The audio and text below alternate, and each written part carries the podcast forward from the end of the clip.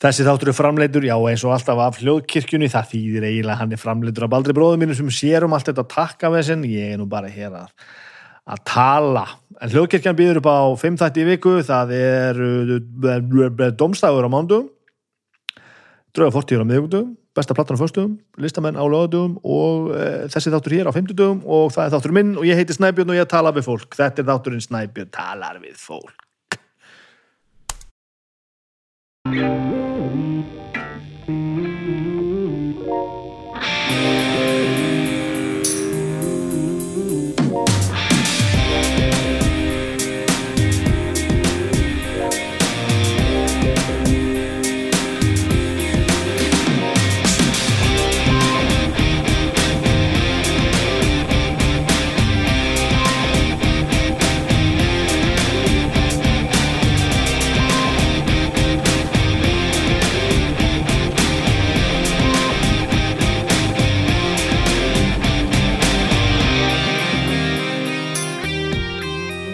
Komið sæðir velkomin í þáttinn minn Snæbjörn tala með fólk á nýju ári. Snæbjörn tala með fólk 2022 Hér mun ekkert breytast. Þetta verður allt saman ákvæmlega eins. Síðast þegar við heyrðumst hér við þetta borð þá eh, var Agnesina með mér og við vorum í sótkví og það blessaðist bara eins, eh, eins, eh, eins vel og hægt var að hugsa sér við hérna vorum útsett annan í já, 27. annan í jólum og heldum okkur til hlesin að vinna hérna bara að heiman dagvinnuna um, gerði það með ágættum það var aðeins aðeins að djögla hérna og stundum voru, voru börnurinn alveg brjálu og það þurfti að fara út og, og viðra sig og svona um, allt innan uh, markaði sjálfsögðu passa sig að hitt ekki fólk og vera vera hérna, við, við tegðum þetta einu sinni örlítið, við fórum í staðan fyrir að fara bara hérna út í garð eða eitthvað í, í þennan hálftíma labbitúr tvísar á dag, þá kerðum við lengst upp í Mósfellstall það sem bara enginn var. Og hliftum bara öllum út okkur og bönnunum og hlupum bara í ringi og, og það var svellkallt ískallt, þannig að við fórum og, og náðum að renna okkur á einhverju svelli og hlaup í ringi og allir komu endunarir heim, þetta var aðeins minna minna erfitt þegar að, þegar að heima komið eftir það, sem var mjög gott. Þannig að það var jákvæmt og, og svo bara sáum við fram á það að jú, við áttum pantað í sínatöku að modni eða pantað, útlutað í sínatöku að modni 31. á gamlás og frettir það voru alltaf þannig að fólk var að fara að býða upp í 80 tíma eftir, eftir, eftir út, útkomu úr þessum, þessum prófum. Allt að springa við vorum svona bara árið frekar aðurlös með það að gamlásplönin okkar myndi ekki, ekki halda. Við þetta bara að gera okkur það góð að vera bara hérna út á svölum sem var bara allt í lagi. En við fórum hann bara í bitið og svo bara einhver tímar uppur hátið þá var Kári Steff búinn að lesa úr þessum, úr þessum testum og við vorum öll COVID-laus sem þýtti það að við bara skóbluðum í bílinn og kerðum á skagan og hittum vinnafólk okkur þar og gistum þar í tvær nættur og og höfðum það helviti gott. Þetta var bara ógislega mikið að mat ógislega mikið að spjalli pínu flugveldar, ekki mikið. Börnin að hlaupa út, úti og inni og einhverju fór í heitapottinn og við fórum á leikvöldinn og, og ég og Arnar vinnum minn við sátum, sátum og spilum Playstation saman og kláruðum hérna Takes Two. Ég held að við höfum byrjað á honum fyrir, fyrir árið síðan. Ég held að við höfum í alveg byrjað á honum síðustu áramót, getur það verið? Nei, er svona langt síðan Nei, það getur ekki verið. Nei, það getur ekki verið. En allavega, við vorum búin að taka hann einhverjum slurkum heima í honum og við kláruðum hann.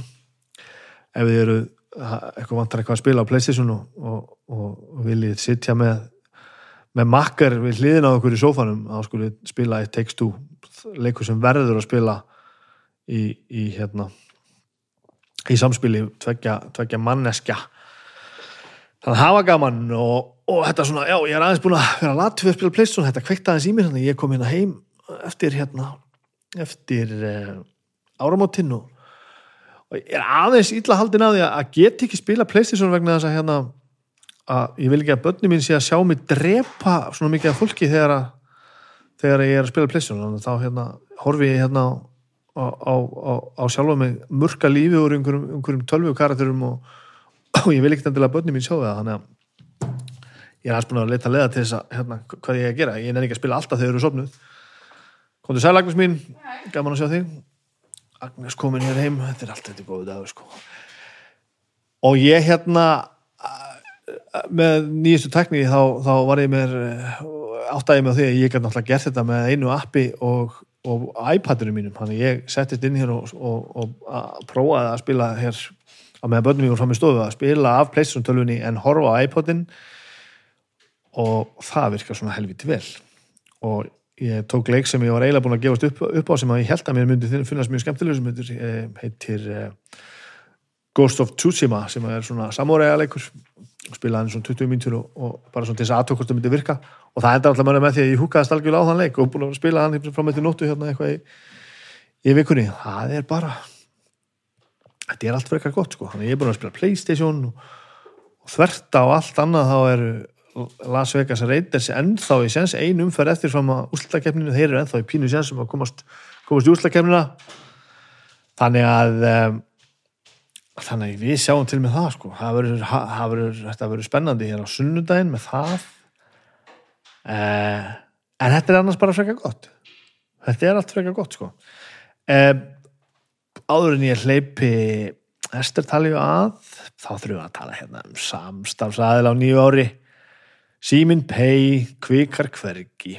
Og nýja árið hefst á, eh, svo ég lesi nú hér upp, sjóðheitu, þúsund krónar tilbúði, sjóðheitu, ump, ump græmetisvefja frá Kóre á aðeins þúsund krónur.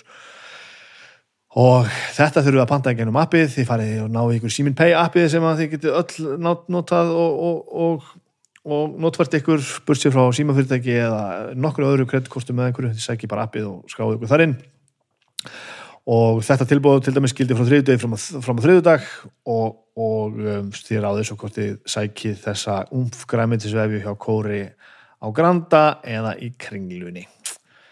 Þannig að Paymathöllin er going strong. Og svo er náttúrulega alls konar önnur, önnur tilbúið þarna inn á, á Simin Pay og ég nota þetta alla daga til að leggja bílið mínum til að mynda. Mjög þægilegt viðmót og allt á einum stað. Djúvöld er þetta gott. Svo erum við að vinna hér með Flyover Iceland. Það er gleðilegt. Við, þetta er ekki fyrst skipti sem við vinnum með eh, Flyover Iceland. Eh, við fórum hann að eitthvað tíman á síðast árið þegar við að, í samstarfi áður og, og prófuðum þetta nú og ég fór bara svona eins og maður gerir bara með, með hæfilegar vandingar og ég held að ég var aðeins og góðu fyrir þetta. Þetta væri bara svona eitthvað jáfnveil svona pínu túrista gimmick. En þetta er svona helvíti gaman og við endaðum með, ég endaði með að fara með dóttur mínu líka setna á eitthvað. Ég var að mynda að hlusta bestu plötuna bara í gær. Og þá voru að tala um uh, Flyover Iceland og Haukurum mitt lísti þessu sveipa, hann hafði, hafði svona, haldið þetta er nú ekki alveg fyrir sig en þetta var það gaman að hann fór helgina eftir bara með alla fjölskylduna. Það sem hefur breyst síðan þarna eh, síðan þá er það að núna er í síningu ekki bara Flyover Iceland sem er enda snildaræk, heldur líka uh, The Real Wild West Flyover uh, Vesturíki bandarækjana basically, það flóið yfir hvað, Utah, Kaliforníu Arizona og Montana. Og þetta er semst mynd sem var gerð fyrir opnun Flyover í Las Vegas. En og, og þetta, þetta flyover batteri er sagt, á, á ansi mörgum stöðum og, og í Las Vegas er til dæmis núna vera að sína flyover Iceland myndina. Þannig að, þannig að þetta svona vinnur allt saman saman. Núna er þetta að fara og horfa á uh, Wild West og svo getur ég flóið náttúrulega yfir hérna Ísland líka sem ég mæli helsuður með. Þetta er ógeðslega gott. Uh, mann ennur ekki alltaf að fara í bíó um helgar. Þa, það, börnum manns til dæmis nenn ekkert alltaf að sitja í, í einn og hálfum eða tvo tíma allavega ekki ef þau eru börnum mín. Þetta tekur styrti tíma og þetta er svona meira uník og, og hérna og ég mæli klálega með þessu sem svona helgarskemtun þið getur farið inn á eh, flyoverisland.is og panta þetta þar og um, akkurat núna er er útmars getið farið og uh, uh, valið vöru sem heita krakkarfljúa fritt og þá fljúa uh, börninninga fritt þetta er svona skamdegi strít frá, frá Flyover Iceland. Þannig að þetta nú allt gott og anskóra tilbúð þannig að þið farið inn á flyoverisland.is þá skýrir þetta sín og sjálft held ég, við mötum að tala meir um þetta í komandi þáttum, þannig að þetta er gleðilegt að fá flyover hérna aftur inn. Gaman, gaman, gaman. Eh, þið eru að fara að hlusta mig tala við eh, Ester Talíu hún var bara að fara hún var að fara rétt í þessu og Agnes er svona komin heim. Um, ég er að tala þetta sem sagt rétt eh, já, svona eftir hádegi hér miðugudaginn 5. janúar þar eftir, þegar þetta talað eru innan með 12 tímar í að þáttum þáttum farið loftið.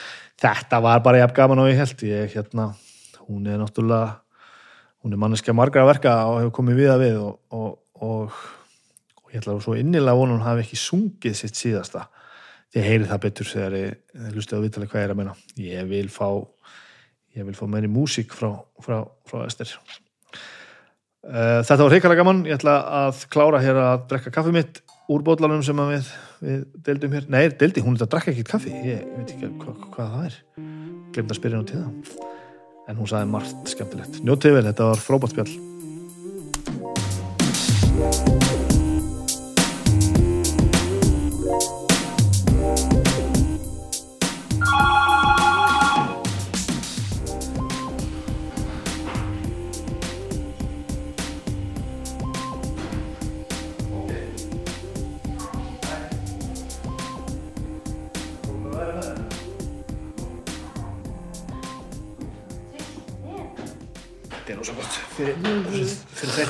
mótnana sko.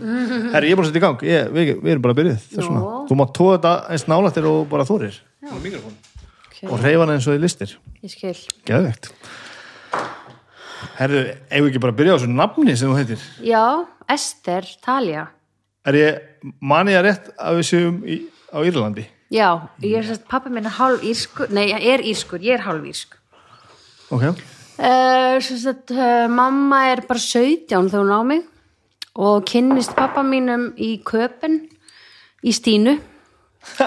Þannig að þetta er svona algjör svona lítil heipasaga sko. Ok. Og hann var aðeins eldri en hún. Og svo bara auðvitað svona rosalega ástfangin segir hún mér alltaf. Og hérna og það var bara ekkert um það annað en að bara vera saman. Og svo var hann ólétt að þau gifta sem er þess að Og eru þá hvar? Að sko þau gifta sig held ég hérna heima, ég man þetta ekki alveg allt. Ég, er, þarf að fá þetta alltaf reynd og svo, hún er alltaf svo ung og hún bjó hjá ömmu minni mikið, langömmu minni Guðrún Pálsdóttur sem var rosalega fín frú í hlýðunum og henni leistu þetta ekkert á þetta. En hún verður ólétt og svo komaðu heim. Ég fæðist hérna heima sko. Já, ok. Og hérna og hún, amma mín, þess að langa mín reddar hún um pappa mín vinnu á bensínstöð því að hérna, hún var fyrverandi forstjóra, ólísforstjóra frú sko það héði Valdimarsson var auðvitað. á tífambili forstjóra ólís og, og, og, og hún átti fullt af peningum og allt þetta og svo nennir hann ekkert að hanga hér hann er bara hippi og vill bara vera að hérna leika sér þannig að þau fara eitthvað til Írlands aftur ég er þar einhver tíma, eitthvað ár með þeim og svo kemur mamma heim aftur og og hann segist að koma á eftir henni Já, já. en kemur svo ekki. Og mér skilst það eru alveg margar sugur um af hverju sko. Ég held að amma mín Guðrún hafi eitthvað haft með þetta að gera. Hann segir að hann hafi borgað henni til að koma ekki tilbaka. Þetta er svona alveg þetta er svona, svona dænasti Segir pabbi? já, segir pabbi minn hann hafi vertu bara þarna úti og hún, henni fannst hann ekki nógu sko, góðu pappir já. og mamma segir að hann hafi ætlað að koma og svo bara ekki netti og eitthvað svona, hann var sem í klippi og, og eitthvað, þannig að þau skilja sko því bara tveggjára eða eitthvað. Og svo bara hef ég ekkert meira samband við hann. Og hann ekki við mig. Fyrir en ég var 14 What? já, Manst eftir hún frá því þú varst ekki ára? Nei, ég man ekki eftir hún þá. Þannig að ég var svo lítil, þannig að ég var alltaf bara ein með mömmu og það var að pyrraði mig aldrei neitt eða ég var aldrei neitt sár eða, eða þú veist, að ég þekkti ekkit annað og hún saði mér alltaf svo sem allt, þú veist, saði mér allan sannleikan þannig séð, bara hann hefði verið áslega góðu kall og svo bara hefði ekki viljað vera gift lengur og hann hefði alltaf að koma en kom svo bara ekki, veist, þannig, og það var neitt flóknar en það og ég var aldrei neitt svona eitthvað ó, með neina höfnatilfinningu eða neitt, sko. En vissur það af honum, þú veist? Já, já, ég vissi á hann og Og- svo vissi ég að hann ætti, hann var búin að svo eignast hérna fleiri börn og giftur og þannig að ég á sko þrjú hálssískinni hjá honum sem ég þekki ekki neitt sko. Hvernig fréttur þetta? Og Fekk mamma Bara í gegnum mömmu, já, þannig að þau af voru, honum? já, já, þau voru í einhverju sambandi, ringdust á eða eitthvað svona, þú veist, með einhverju ára millibilum. þannig að já, svo bara því 14 og þá ákveður mamma að við skildum nú fara í nei, við erum á ferðalagi held ég með fjölskylduna. Hún gift öðru manni og einhver lítilböð sískinni mín og, og við erum að fara í gegnum London og þá ákveður hún að við skildum nú við þurfum nú fyrir að fara að hittast sko. og ég er bara 14 nýta ferðina bara. Já, nýta ferðina. Nú verður þú að hitta pappaðinn og eitthvað, og það gerist og ég er bara 14 og algjöru krumpi, nenni ekkert að standa í þessu, sko. Langar ekkert að hitta einhvern mann sem ég þekki ekki neitt, sem á að vera pappi minn þannig, en við gerum það og ég man bara, ég hugsaði bara fuck, ég er alveg eins og hann. Þú veist, mér fannst ég svo líkonum í útliti bara. Já, því ég sá hann. Þannig að það var svolítið svona sjokk en annars var ég ekkert svona ég gæti ekki mikið eitthvað verið að tala við hann eitthvað. Ég, og bara það var alveg hann og mamma sem áttu eitthvað svona ofsalega gott reunion og trún og töluðu mikið saman og ég man ég var bara með litlu sískinni mín og bara um leið og einhver kúkaði þá bara ég skal skipta honum. Svo forðast þessa situation. En þau bara best buds bara. Já, já, sko, þau voru alltaf svo ástfangin held ég og voru alltaf svo góða vinir. Og það er þessi kvolpást til að hún, hún mér þess að bara lifir ennþá held ég sko. Þó þau séu, að þú veist, ekkit þau er ekki eins og saman landi. Ertu, vill hann meina að, að, að hvað? Að gamla hafi Já, borgað honum fyrir að borga koma honum bara, gefa honum bara ákvæmna upphæð og vertu bara þarna úti, þetta gengur ekki ég sé þetta mun ekkit ganga og þú ert ekki, þú veist. Þetta er ekki að fara að vinna á þessari bensinstöð Nei, nei, nei, og þú ert ekki að fara að gera neitt enda hefur hann svo sem aldrei gert neitt, hann er algjör hippi sko. hérna vinnur á svona bókasafni fyrir heimilslausa og þú veist, er bara svona, svona algjör lestrahestur, talar svona einhver tungumál og bara í gegnum bækur, þann, en hann er ekki hann er aldrei gert neitt, hann er bara heimavennandi húsfæðir sko. Hvernig veist þú þetta í dag? e, að Hvernig því að svo bara höfum við verið í smá samandi og mamma náttúrulega hefur sagt mér þetta allt saman líka og, og eftir að við hittumst þarna þá fór hann að skrifa mér einhver bref og svo kom hann þegar ég var fertug.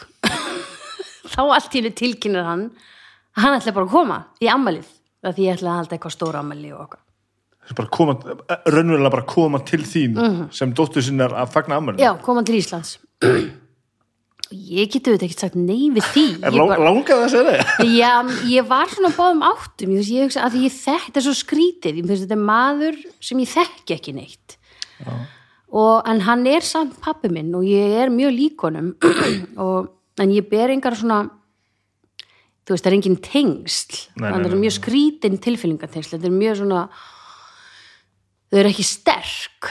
Nei, En svo kemur hann og það er þetta rosa partí og, hérna, og hann kemur auðvitað í mat heima og hann er bara old Irish bloke og bara tala um fótbolta og bara hangir á börum og, og þú veist, hann er svo skrítin típa. Ég á ekkert sammeilið. En hann kemur í partíð sem hann var svo brúðkaup, óvænt brúðkaup hjá okkur, þannig að, jú, jú, það var bara gaman, sko. En skrítið, Já, og svo kom hann aftur árið eftir ætlaði að fara að gera þetta einhverju svona árlegu. Og ég sagði bara nei, það get ég ekki. Ég, vei- en þetta bara sagði ekkert nei, hann bara kom. Já það er ekki við hann. Nei, nei. Og svo kom COVID, þannig hann er ekki komið síðan en,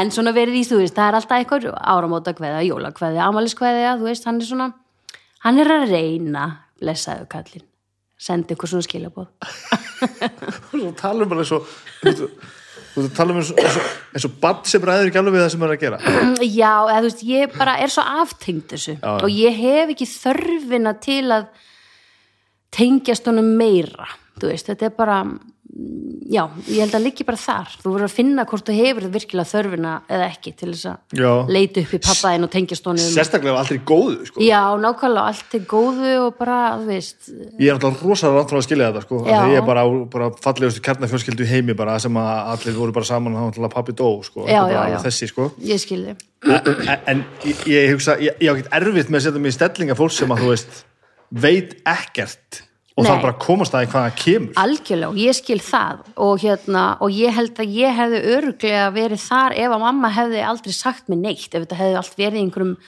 lindamálum og, og ef, hún, ef hún hefði verið óslega fúl alltaf úti. En hún var alltaf, hún sagði alltaf hann er svo góð maður og við vorum góðu vinir og erum svo góðu vinir bara og þetta bara einhvern veginn fór bara svona. Já. og það er allt í lægi þú veist, þannig að ég er alltaf bara já, ok, þá er allt í læg þegar maður sér, þú veist þegar maður sér börn bera sko betur fóreldra sinna hvort út í annað þú veist, talningum eins og þetta, einhverju horfin eitthvað, þú veist, það er ekki inn í myndinni. Já, að þá, þá er einhvern veginn börnin ós, ósalátt einhvern veginn reið já, já. að því að fó, hitt fóreldri er reitt sko.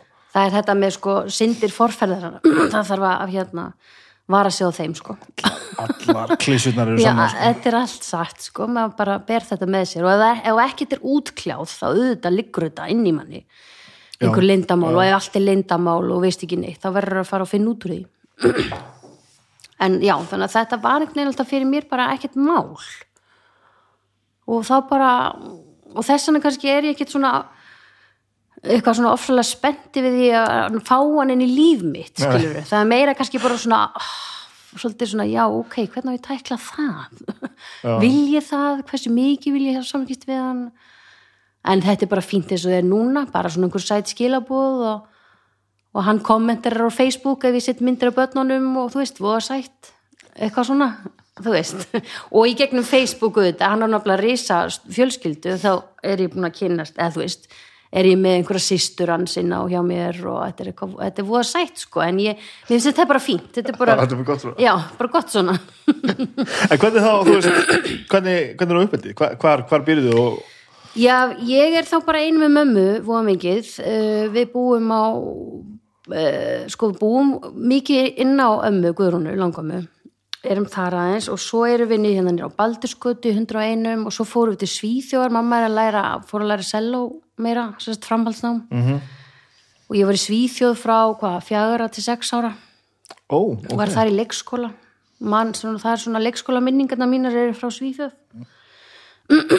og svo er það bara, já, svo er það bara 101 meira og minna frá svona 6 ára því ég kem heim. og þeir tvær þá Já, við tvær bara, svo kynnist hún reyndar manni þá sem að var svo síðar maðurinn hennar og eignaðist með hún þrjú börn, Símon Kúran hérna, fyrir, fyrirleikari og, og þau eru saman hvað í 10, 12 ár eða eitthvað. já, já, já. En ég á sérst þrjú hálsaskinni sem ég elst upp með frá því ég var tíu ára. Hún sérst eignast barni, fyrsta barni því ég er tíu ára og svo kom bara þrjú í röð. Þannig að það var svona pakki, sko. Ég var alltaf bara ekki enga barnið með alla aðtekli. var það aldrei orðið sex manna fjölskylda í stað fyrir tveggjum manna bara Já, það var bara allt í hennu bara og svo hundur og köttur og, og bara, og tveir hundar og þetta var bara algjör, algjör brjálaði á tímambili. er það alveg uppskipt að maður verið fókt upp úlingur Jú, og allir ég hef ekki orðið það einhverju leitin, en ég fór ekki, sko, ég fór kannski ekki út í... það átti ekki að vera svo gildislega sko. ekki út í rugglið en ég fór inn í skilina það er það sem ég gerði. Sem hafðir ekki verið áður eða? já, jú, jú, ég hef alltaf verið rosa róleg og svona frekar feimin en í, á úlingsárunum þá svona þá bara svolítið ég sagði, já, ok, þetta er á mikið eh, fyrir þau, sko ég, bara, ég, ætla bara, ég get bara séð mig sjálf. Ég ætla ekki að vera eitthvað að blanda hér, mínum vandamálum eða, eða hérna, lífi inn í þetta þetta fjölskyldi fórhól hér sem bara er of mikið, þú veist, það var allt crazy og hérna þannig að ég fór svolítið í skilina lagði mig mikið á daginn og, og svo bara með vinkonum og vinum og svolítið svona fjallæðist sko sem eru þetta ekki gott en það, það var mitt. Ég dílaði við þetta svona. Og er, allt, allt, allt fólk sem, þú er búin að nefna er lista já, alveg svona lista Já. sprengur bara. Já, já, ég meina þetta ég kem úr mikill í listafjölskyldu og meina, amma mín Bríett Héðinsdóttir svo, hún var leika, leikona og leikstjóri. Já, og Steinin Ólína er móðusisti mín. Mhm. og þessi Guðrún Páls, hún var söngkennari í Melaskóla og, og, og var mikil svona, hún, svo sem já, hún var tónlistakona líka. Og hérna kendi mér, þess að lit mér syngja alltaf við píanóði flílinn heima hjá sér í hlíðunum í svona tebóðum þá fekk hún rosa fínar frúr heim til sín ofsalega fín hérna kaffistell og svona sem ég áheldi í dag með svona giltri rönd og svona plussófum og rosa fín stofa og stórt teppi. Og, og svo settist hún við píanóið sem var sko inn í öðru herbergi en við hliðin á stofunni. Og ég stóð inn í stofunni og söng blátt lítið blóm mitt er og eitthvað svona fyrir kellingarnar. Þú sem skemmtið að treyna já. Og æfingar eða varstu bara Njá, bara? nei, nei, jú, æfingar, hún hérna let mig syngja með sér því ég var hjá henni ég átti voða gott samband við hana sko, ég var mikið hjá henni og hún var svona mín amma því að amma Bríet var svo já. og hérna, og þetta er að fjölskylda mín er eiginlega öll bara konurnar, allir kallarnir voru bara ekki með. Það er bara Nei. öll skilin og einhvern veginn sagt, ekki í sambandi. Afi minn Sigurður sem er pappi sagt, mömmu uh, hann var einhver sambandi við, við þær systur þannig að ég, og þetta kannski var fyrir mér þess vegna svona eðlilegt að væri engin pappi var því að það Já. var bara normið einhvern veginn í Já. kúltúr í kringu því bara þannig Já. Já, þannig að ég var mikið hjá ömmu Guðrunu og við áttum gott samband. Hún kendi mér svona allt þetta basic, hvað þið voruð og, og hérna let mér syngja öll gamli lögin og, og spiliðum Olsen og allt þetta. Fengum kakó og svona matarkeks, dífa hún í kakóið. sko. Klassísk, klassík sko. En þannig að já, það var svona, já, það voru góða minningar. En svo er náttúrulega, já, úlingurinn hann, hann, bara kvildi sig aðeins frá fjölskyldunni. og það bara, þú veist, veist, Nei, nei, minna auðvitað reyndu hún sérstaklega ná, ná til mín eitthvað sko, en það bara var svo mikið að gera hjá henni, hún var með þrjú börn og þú veist uh, hvað er þetta, þremur eða fjórum árum þannig að þetta var já, það er rosalegt sko og svo bara fer ég í mentó og og þá erum við Óli byrjuð saman þannig að þá erum við bara svolítið svona dúo og erum bara svolítið sjálfvala sko hvernig byrjuðu þið saman? Við byrjum saman í, í lók tíundubekkjar. Vel gert, Já, döfulsins dugnaður það er vel gert, sko. Hvernig gerist það? Það gerðist bara... Er þið saman í skólanum með það? Já, hún er saman í skóla frá því um sjö ára. Þetta er alveg doldi Vá. pervestist allt. Þannig að, Þú erum ekki byrjuð saman sjö ára. nei, en hann var langsætastur og skemmtilegastur. Alveg, ég man bara því ég sá hann fyrst ég kom í sjörubökk og þetta er skemmtilegur strákur, hugsaði ég. Og við vorum bara vinir og allt í góðu og svo náttúrulega verðum að rúlingur og og það var svona, það var þessi hann var sætur, svo var Óli og svo var hinn sætur og svo bara gerðist þetta í tíundabökk Og bara svona átakalust. já, Var þetta, var þetta bara svona, er þetta búið að vera svona frekar beint strík bara? Þeir voru bara vinnir og svo maðursmenni vinnir og svo byrjuðu saman tíundabekk og svo bara. já, en svo náttúrulega eftir hérna, ef við byrjum saman og förum í ment og, og upp úr ment og þá náttúrulega fór allt í rugl, eða þú veist, við erum alveg tekið við erum alveg tekið tíma apart, þú veist, öll þessi ár sem var bara nöðsilegt, annars værum við ekkert saman í dag, held ég við, þú veist, hættum saman og, og þurftum aðeins að fá, þú veist, fara út fyrir og, og hérna, líta út fyrir og allt þetta og pró, prófa nýtt fólk og eitthvað, ég meina það annað hefði nú verið örglað. Djúið er þetta satt. Og djúið er maður sem þú er ekki að segja þetta. Þetta er svo hárið rétt maður. Já, ég meina, og ég er ekki að segja að allt hafi gert, og meirsa var sumt gert bara í vondu og, og, og stríði og allt þetta, sko, en, en hérna, en í dag erum við bæði, held ég, rosa fegin að það gerðist, af því að svo höfum við bara þurft að vinna í okkar sambandi, af því að við tókum ákvörðunum að vera svo bara saman eftir að ég varð ólétt af fyrsta barninu okkar.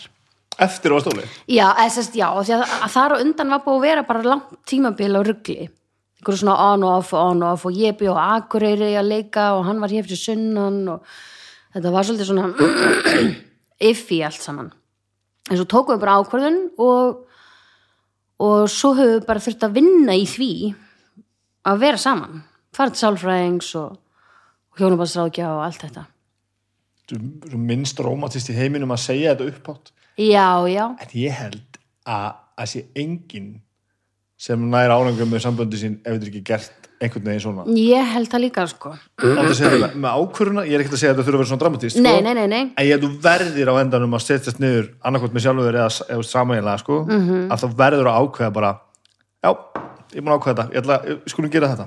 Já, algjörlega. Og, það, og þessi ákvörðun skiptir máli af því að þá líka ákveður maður að í gegnum súrt og sætt að þá ætlir að vinna í þessu. Og þú veist, svo hefur ímislegt gengið á og það er erfitt en, en við tókum þessu ákvörðun og svo og það leiði alveg langur tíma að við fórum til hjónabarsrákjafa, þú veist, að því að maður heldur fyrst að maður getur bara gert þetta allt saman. En svo þurftum við að gera það. Við krössuðum aðeins um, um árið og við föttuðum eiginlega ekki af hverju við krössu það var ekki þess að sonur okkar lendi í slísi og eftir það var bara allt einhvern veginn fucked up. Og, og við áttuðum okkur einhvern veginn ekki á því að, að það var líka bara, þú veist, áfall og eitthvað, en svo upp úr því kom alls konar bara samskipta örðuleikar og, og hvernig við töluðum við hvort annað og hvernig við töluðum saman eða töluðum ekki saman. Og og hvernig við vorum stundum bara ennþá úlingarnir sem við vorum sko. við þurftum svolítið að vinna út úr því. Þú veist að vera í þessum úlingarsamskiptum eitthvað svona samkeppni og eitthvað svona, eitthvað svona fílustjórnun og, og rjúka út og skella hurðum og eitthvað svona. Sem er þá bara fyllt ykkur af því að þið voru þannig þegar þið byrjuð sama Já, af því að við vorum bara úlingar skilur og við vorum bara við vorum bara með eins og þeir eru allar þessar tilfinningar og og hérna, og reyna að fóta okkur saman einhvern veginn í og líka í gegn, þú veist, í leiklistinni og allt þetta. Bara, þú veist, þó við séum að hverju kyninu þá stundum svona, kom upp svona samkeppni. Þú veist, þú ert að fá allt þetta og ég fæ ekki neitt og þú veist, mm. þau vorum að reyna saman að fara inn í leiklistaskólan og hann komst inn og ekki ég. Heldur ég hef ekki broti gítar á grindverkinu fyrir utan, ég reyðikasti auðvitað. Auðvitað gerður það. Já og allt þetta sko. Hvernig gítar svo? Æ, einhvern voru sætan gítar sem að amma mín gaf mér sko eins og eða eitthvað, bara svona kassagítar sem þú áttir. Já, sem ég átti. Og ég tók brefið hans yngung það sem stendur hann hafi komist inn og krumpaði allt svona og hendi í jörðina. Þú veist, þetta var, ég, þetta var svolítið svona, það voru svona miklar tilfinningar og og svona, einhver svona varmáttakend á, á, á báðabóa já, þannig að það er búið að ganga á. Það er svo, það er svo hressandi samt, svona eftir á. Það er, svo, það er náttúrulega engin tilfinning betri heldur en að finna að maður komst yfir já, eitthvað já, sem var erfitt sko. og það er alveg ógæðslega gaman. Já, það er rosa gott. Og líka þetta bara að kunna tala saman. Og það er þess að við þurftum að læra það bara hjá sálfræðingnum þegar við fórum til hjónubarsrákjafa fyrst og hún tók fram svona eitthvað blað og voru svona þrýr flokkar á blaðinu og búin að tala við okkur í svona kannski hálftíma, 40 mínútur sínd okkur blaðið svona já, ég myndi svona segja þeir eru kannski svona hérna í þessum flokki tvö. Og við bara, hvað meinar þau? Já, það eru svona yfirleitt svona þrýr flokkar að samskipta munstrum hjá hjónum og þeir eru svona hérna í flokki tvö. Og maður fattaði með bara, ok, þú veist, þetta er, okay, þetta er allt bara eðlilegt við erum ekkert eitthvað ofslega spes og getum Já. aldrei tala saman og þetta er bara skrifað hér á blað hvernig þetta virkar Ég var að setja einhverju vittan um daginn ég, ég byrjaði að fara til sálfræðins fyrir aftur ég hafði nú gert einhvern tíðan sko. það er að vera ár síðan, ja, bara slett ár síðan Já. í gegnum eitthvað bladur hérna það var einhvern sem að las í hérna kvíðan hjá mér og sagði og bara ég fyrir bara e-mail bara farðu bara sendu e-mail á þennan mann og hann hérna ádreið hjálpa þér mm -hmm. ég vissi ekki eins og ég þurfti hjálp sko. Já, og svo, svo upplýði ég nákvæmlega þetta sama að mæta bara fyrsta tíman Já. til mann sem er mjög klár sálfræðingur mm -hmm. og ég mætti mér nákvæmlega þessa tilfinningu þetta verður náttúrulega mjög flókið því ég er svo spes sko. það, sem er, það sem ég er að upplifa Já. er svo uník og ég er svo einstakur einstaklingur sko. og hann talaði um í svona 15 mínutur og þá var hann, hann bara kortleika nákvæmlega hvernig ég var sko og það er ekkert spesju það hvernig ég er, ekki Nei. neitt. Og það er til lækning kannski. Já, og það er bara frekar, frekar simpelt sko. þetta er bara þrýr flokkar og þú ert bara í þessum. Þetta er ekkert, þú veist, og maður er eitthvað að reymbast en já. mitt mál já, er nefnilega nei. Og þetta var mjög frelsandi. Og, og hérna, þið bæði til í þetta strax bara? Já, algjörlega að, ég menna, jú, ég menna ég, ég man ekki, við rýmumst um það hvor stakk upp á því að fara til hjónapastrákjastundum það er alltaf gott. Nei, það var ég sem sagði fyrst, nei, ég hef búin að segja fyrir ári síðan. Er samkefni í öllu bara? Nei, nei, þetta er, ég, nú bara í, í svona ígóðu og við hlægjum að þessu í dag því að nú kunnum við að, að hlæja að, mm. að þessari vilsi okkur stundum. En einmitt, þetta var frelsandi að geta að lært að tala saman. Og það er náttúrulega bara líkillinn að tala saman og segja hugsin og veri ekki ég þá til að loka mig af. Ef ég er eitthvað að þá fyrir ég inn í skilina sko, úlingaskilina og hann, hann svona fer út úr skilinu og tjáur sér rosalega mikið, þú vil tala og tala og tala, tala, tala, þannig að við erum mjög ólík líka sko. Lýðins við þurfum að eiga frækja stort hús. Já, við eigum nú ágætt hús, það er ágætt. Hann á lilla skrifstöðu, hann getur bara verið þar. Ef við fyrir hérna til, til, aðeins tilbaka Já. varst alltaf leiðinni í listastöf Já, ég held það. Ég meina, ég, það var aldrei eitt annað sem var efst á dagskrá. Það var alltaf bara, þú veist, í grunnskóla var ég í kór og ég lærði á píano, ég lærði á fiðlu, þú veist, þannig ég var alltaf að hrærast í þessu e, alla daga og svo svo voru var sagt hérna árgangurinn okkar í Östubæðiskóla hann var helviti sterkur í, í leiklistinni það, og við komum rosalega mörg úr þessum árgangi og erum í bransanum í dag.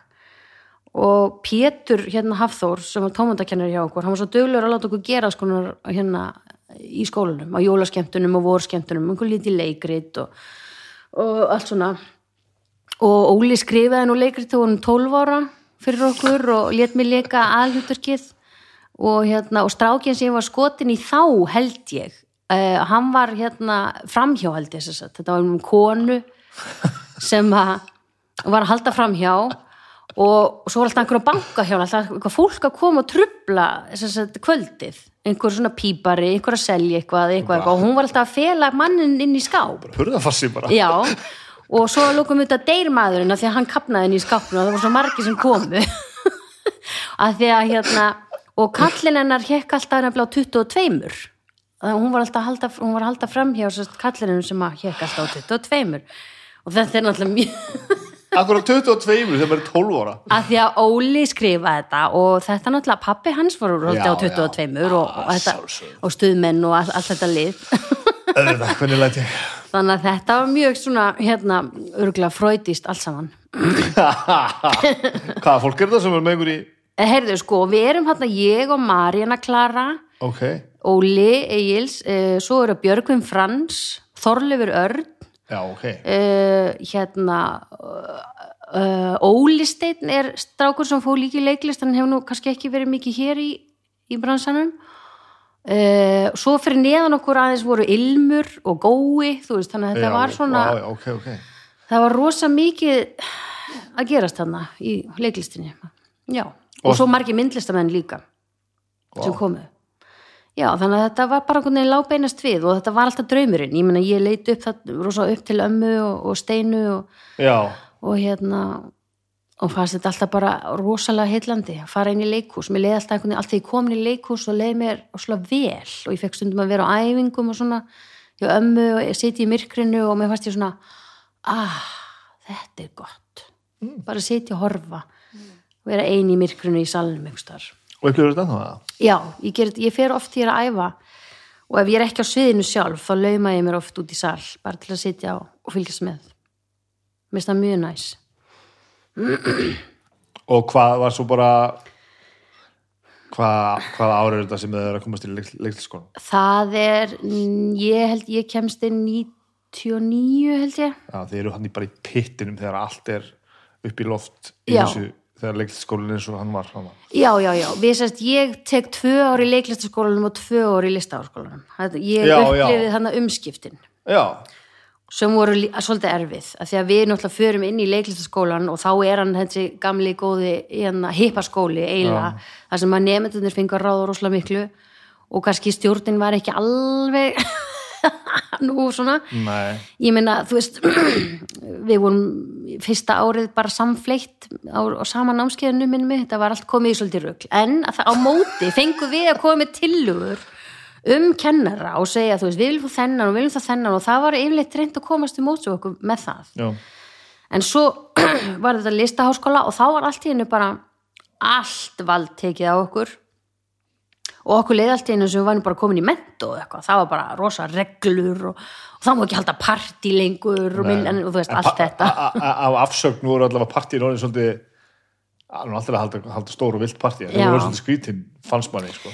Já meinaru í leiklistaskólanum já, eða, í leikskólanum. Já, já, ég meina þetta var náttúrulega allir drögl. Við vorum bara alla, þú veist, ef við vorum partið það var bara alla nóttin og í skólanum út um allan já. skóla og allt þetta sko sem er kannski æsla gaman fyrir okkur en kannski ekki þá sem stjórna skólanum, ég veit ekki. En þetta var svolítið skrítið, já.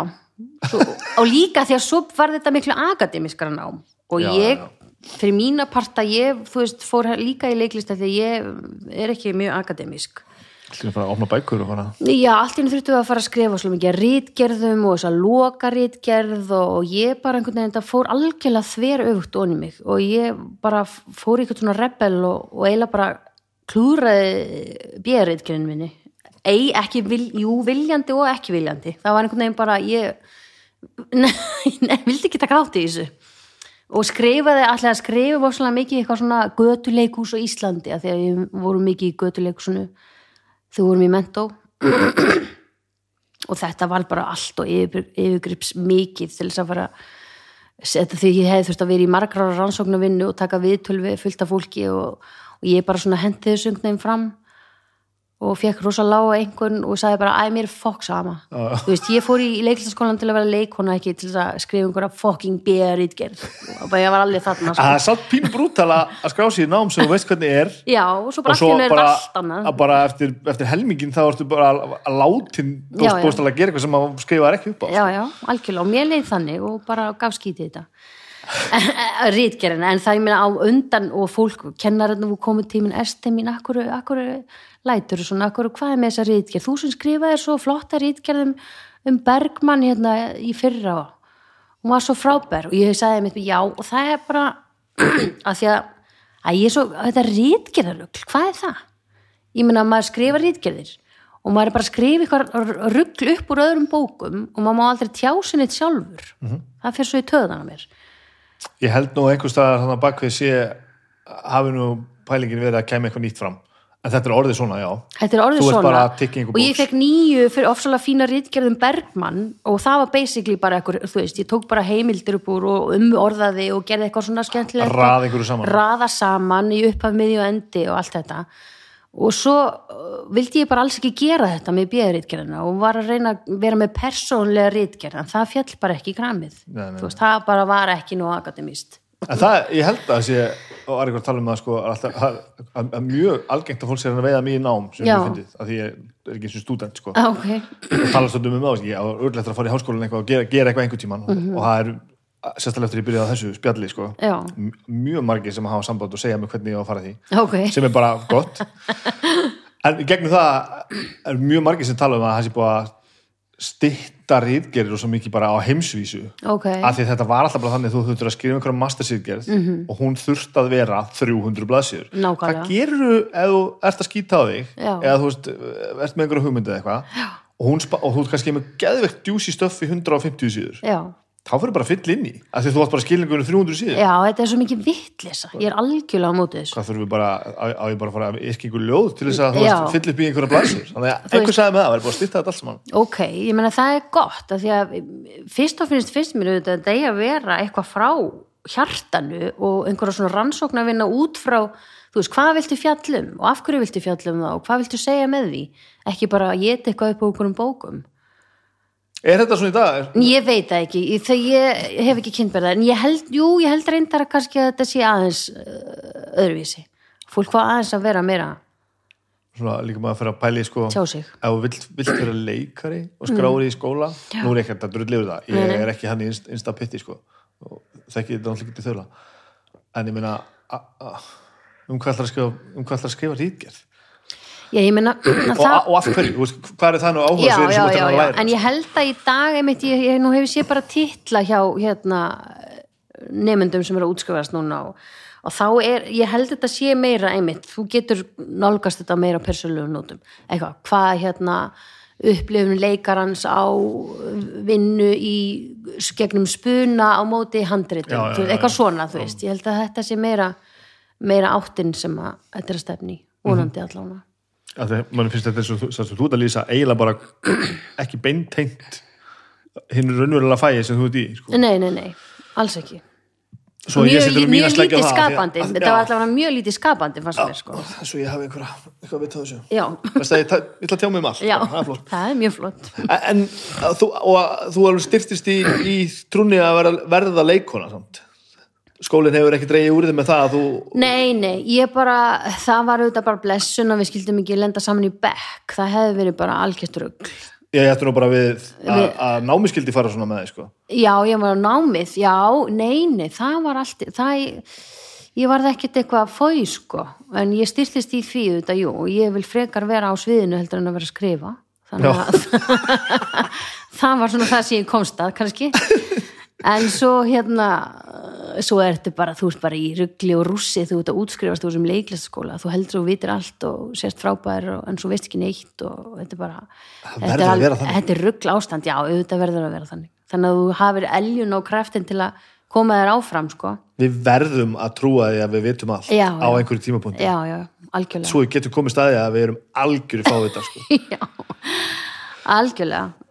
Uh, já, já en jú, ég er búin að endast í þessu allavega í, hvað, ég heldur sín í 19 ára ammali í vor. Já, uh, og ég kalla nú bara ansi gott því ég vil aldrei verið fastræðun ok. Já, hvaða leið fór, fór þetta? Hvert fórstu eftir, eftir úrskip sko, það, ég fekk hlutverk í hérna, fyrsta hlutverki mitt var í Grís hjá Gunnar Helga sem að hann í borgarleikus Já, í borgarleiksunu, það var svona sumarsjó og og svo var ég einhverjum svona, já, svo fór ég að leika hjá Maríu Ellingsen í Úlfhamsögu upp í Hafnafyrði já, og svo fóru við Óli Norður í Óli við Tvist hjá Já. Magnús Geir. Mhm. Og svo varði ég eftir. Óli fór söður hann var að fara að gera eitthvað í þjóðlíkusinu en ég varði eftir og fekk ársamning þar og hérna og lék hérna í reylingsbúðinni og fullkomi brúðkaup farsa og, og Maríu Bjöllinni og eitthvað svona þessi svona stjörnutími já, stjórnutími hana. Magnúsar hérna, já. og sem var æðislega gaman með Góa og Jóa og, og Maríanna var hérna Álrún Örnóls já, já, já. og það var bara frábær tími sko. og við vorum hann að byggum hann þrjár, ég og Marían og Álfrún saman í íbúð út á þarna nefið sjó og hérna og vöktum mikla aðtegli í bænum. Utanbæða fólk á Akureyri? Stormuðum um bæn í pelsum það er ekki samlaga og... samfélaginu alveg á núlinni nei, nei, nei, nei, það var alveg starrað á okkur og koma leikonurnar þarna með nefið upp í loftið. En það var mjög skemmtilegt. Já, og mikil vinna og bara kyrsla og maður svona kynnti staðið aðeins í hvernig er að vera bara í törn og, og, hérna, og vera bara á, í fullri vinnu. Og þú eh, klár bara í þetta fara bara, já, stökka bara í leikusið og vera þar bara? Algjörlega, algjörlega. Svo bara eftir þetta ár þá varði ég ólétt eftir einaf, þess, einaf heimsóknum Óla til mín. Já, þannig að hún kemur undir stelpan okkar á Akureyri. Og var þetta það var ekki planað. Nei. Eh, eh, eh, hvernig, þú veist, voru voru, voru miður eitthvað, voru spennt eða hvort- hvernig Við var vorum svo, eins og ég sagði á hana þegar við vorum búin að vera svolítið svona ruggli og on and off og allt var í einhvern veginn, einhverju svona ó, við veitum ekki hvað er að gerast. Þannig að við vorum svolítið í sjokki bara. Mm. og hérna, og þurftum að taka hvað er gömur hana? ég er 26 eða svona, já. Það er allavega engir Nei, nei, engin, engin unglum sko. En þannig að við þurftum- að taka þetta tók þarna og svo bara var ákvörðun tekin Já, og svo bara er ég búin að vera að halda mér inn í þessum bransa einhvern veginn. Og mér, ég er nú bara mjög stolt af mér fyrir það og ána með mig því að þetta er fucking hark og þú veist ekki á samning. Og auðvitað komi tímabili sem ég var ekkert að gera og, og hérna sérstaklega niður kringum hrunið þá var alveg bara þá var svolítið verið að halda bara fastráðnu fólki á, á launum og ekki mikið verið að taka inn nýja og allt þetta. Og, en ég var duglega að ringja og minna á mig mm þetta inn hér og þar. Og svo náttúrulega söngurinn hefur uh, svolítið redda mér, þú veist, ég vantar fólki í söngleiki og þá er, þá er gott að kunna syngja. -hmm. þannig að það er svona ég hugsa það oft ætli ég hefði ekki orðið leikona ef ég geti ekki sungin ætli ég hefði ekki ennst þá í bransanum brjóta sig aðeins niður já, það brjótum okkur aðeins niður, skoðum það En hvað finnst þér á mest, mest gaman? Þú Sko, uh, ég, ég veit að verkefni náttúrulega finnir alltaf, sitt eigið líf sko. en hvað, svona, hvað, hvað kallar þetta meira á þig að syngja á sviði heldur en að Uh, nei, nei, nei, alls ekki. Mér, ég meir sem að koma með smá nóa því, sko. Að því ég er búin að gera það eiginlega meira. Nú langar mig bara í djúsi rullur og, já, og hérna, og sökka mér honi í einhverju svona smá dramatík eða þú veist, eitthvað.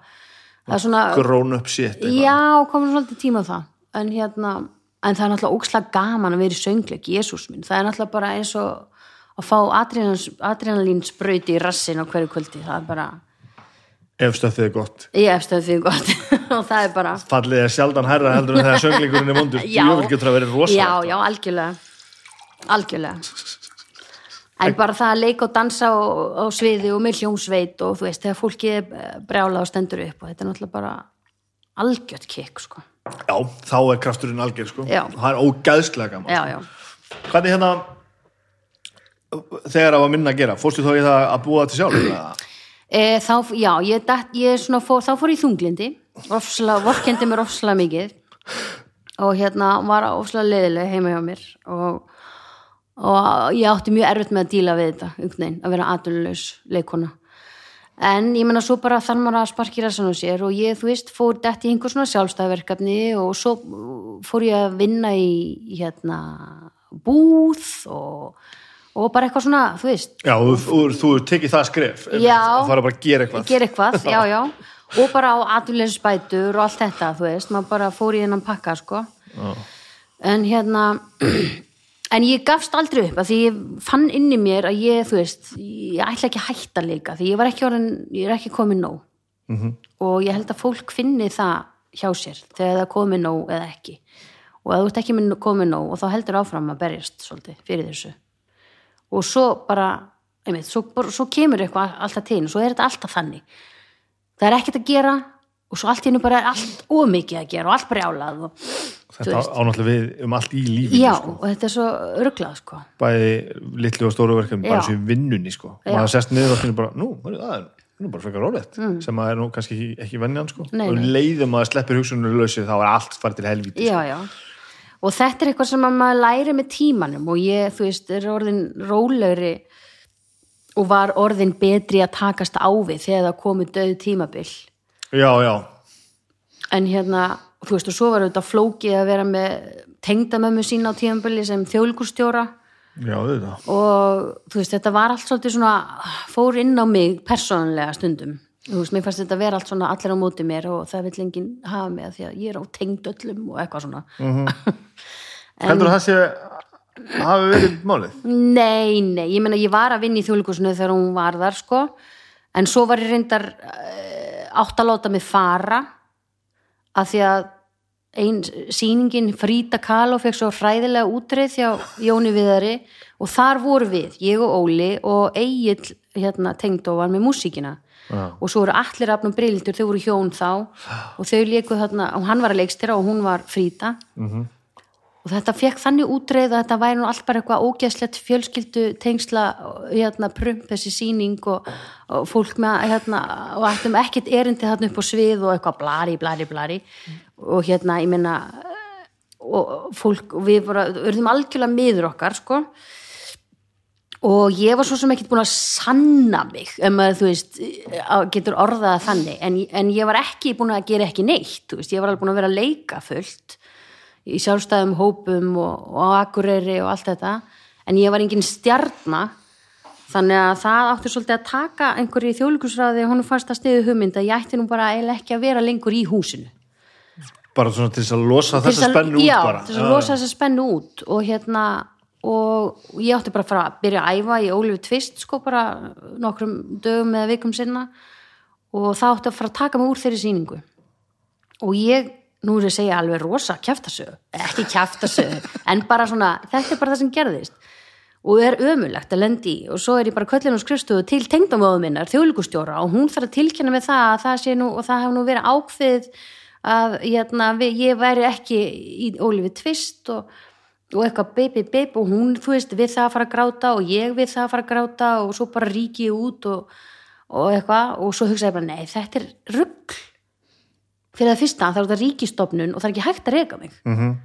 þannig að ég fór bara í einhvern svoleiðis fæting og sagði bara, ég fer með þetta í fokking blöðin ef þetta er svona.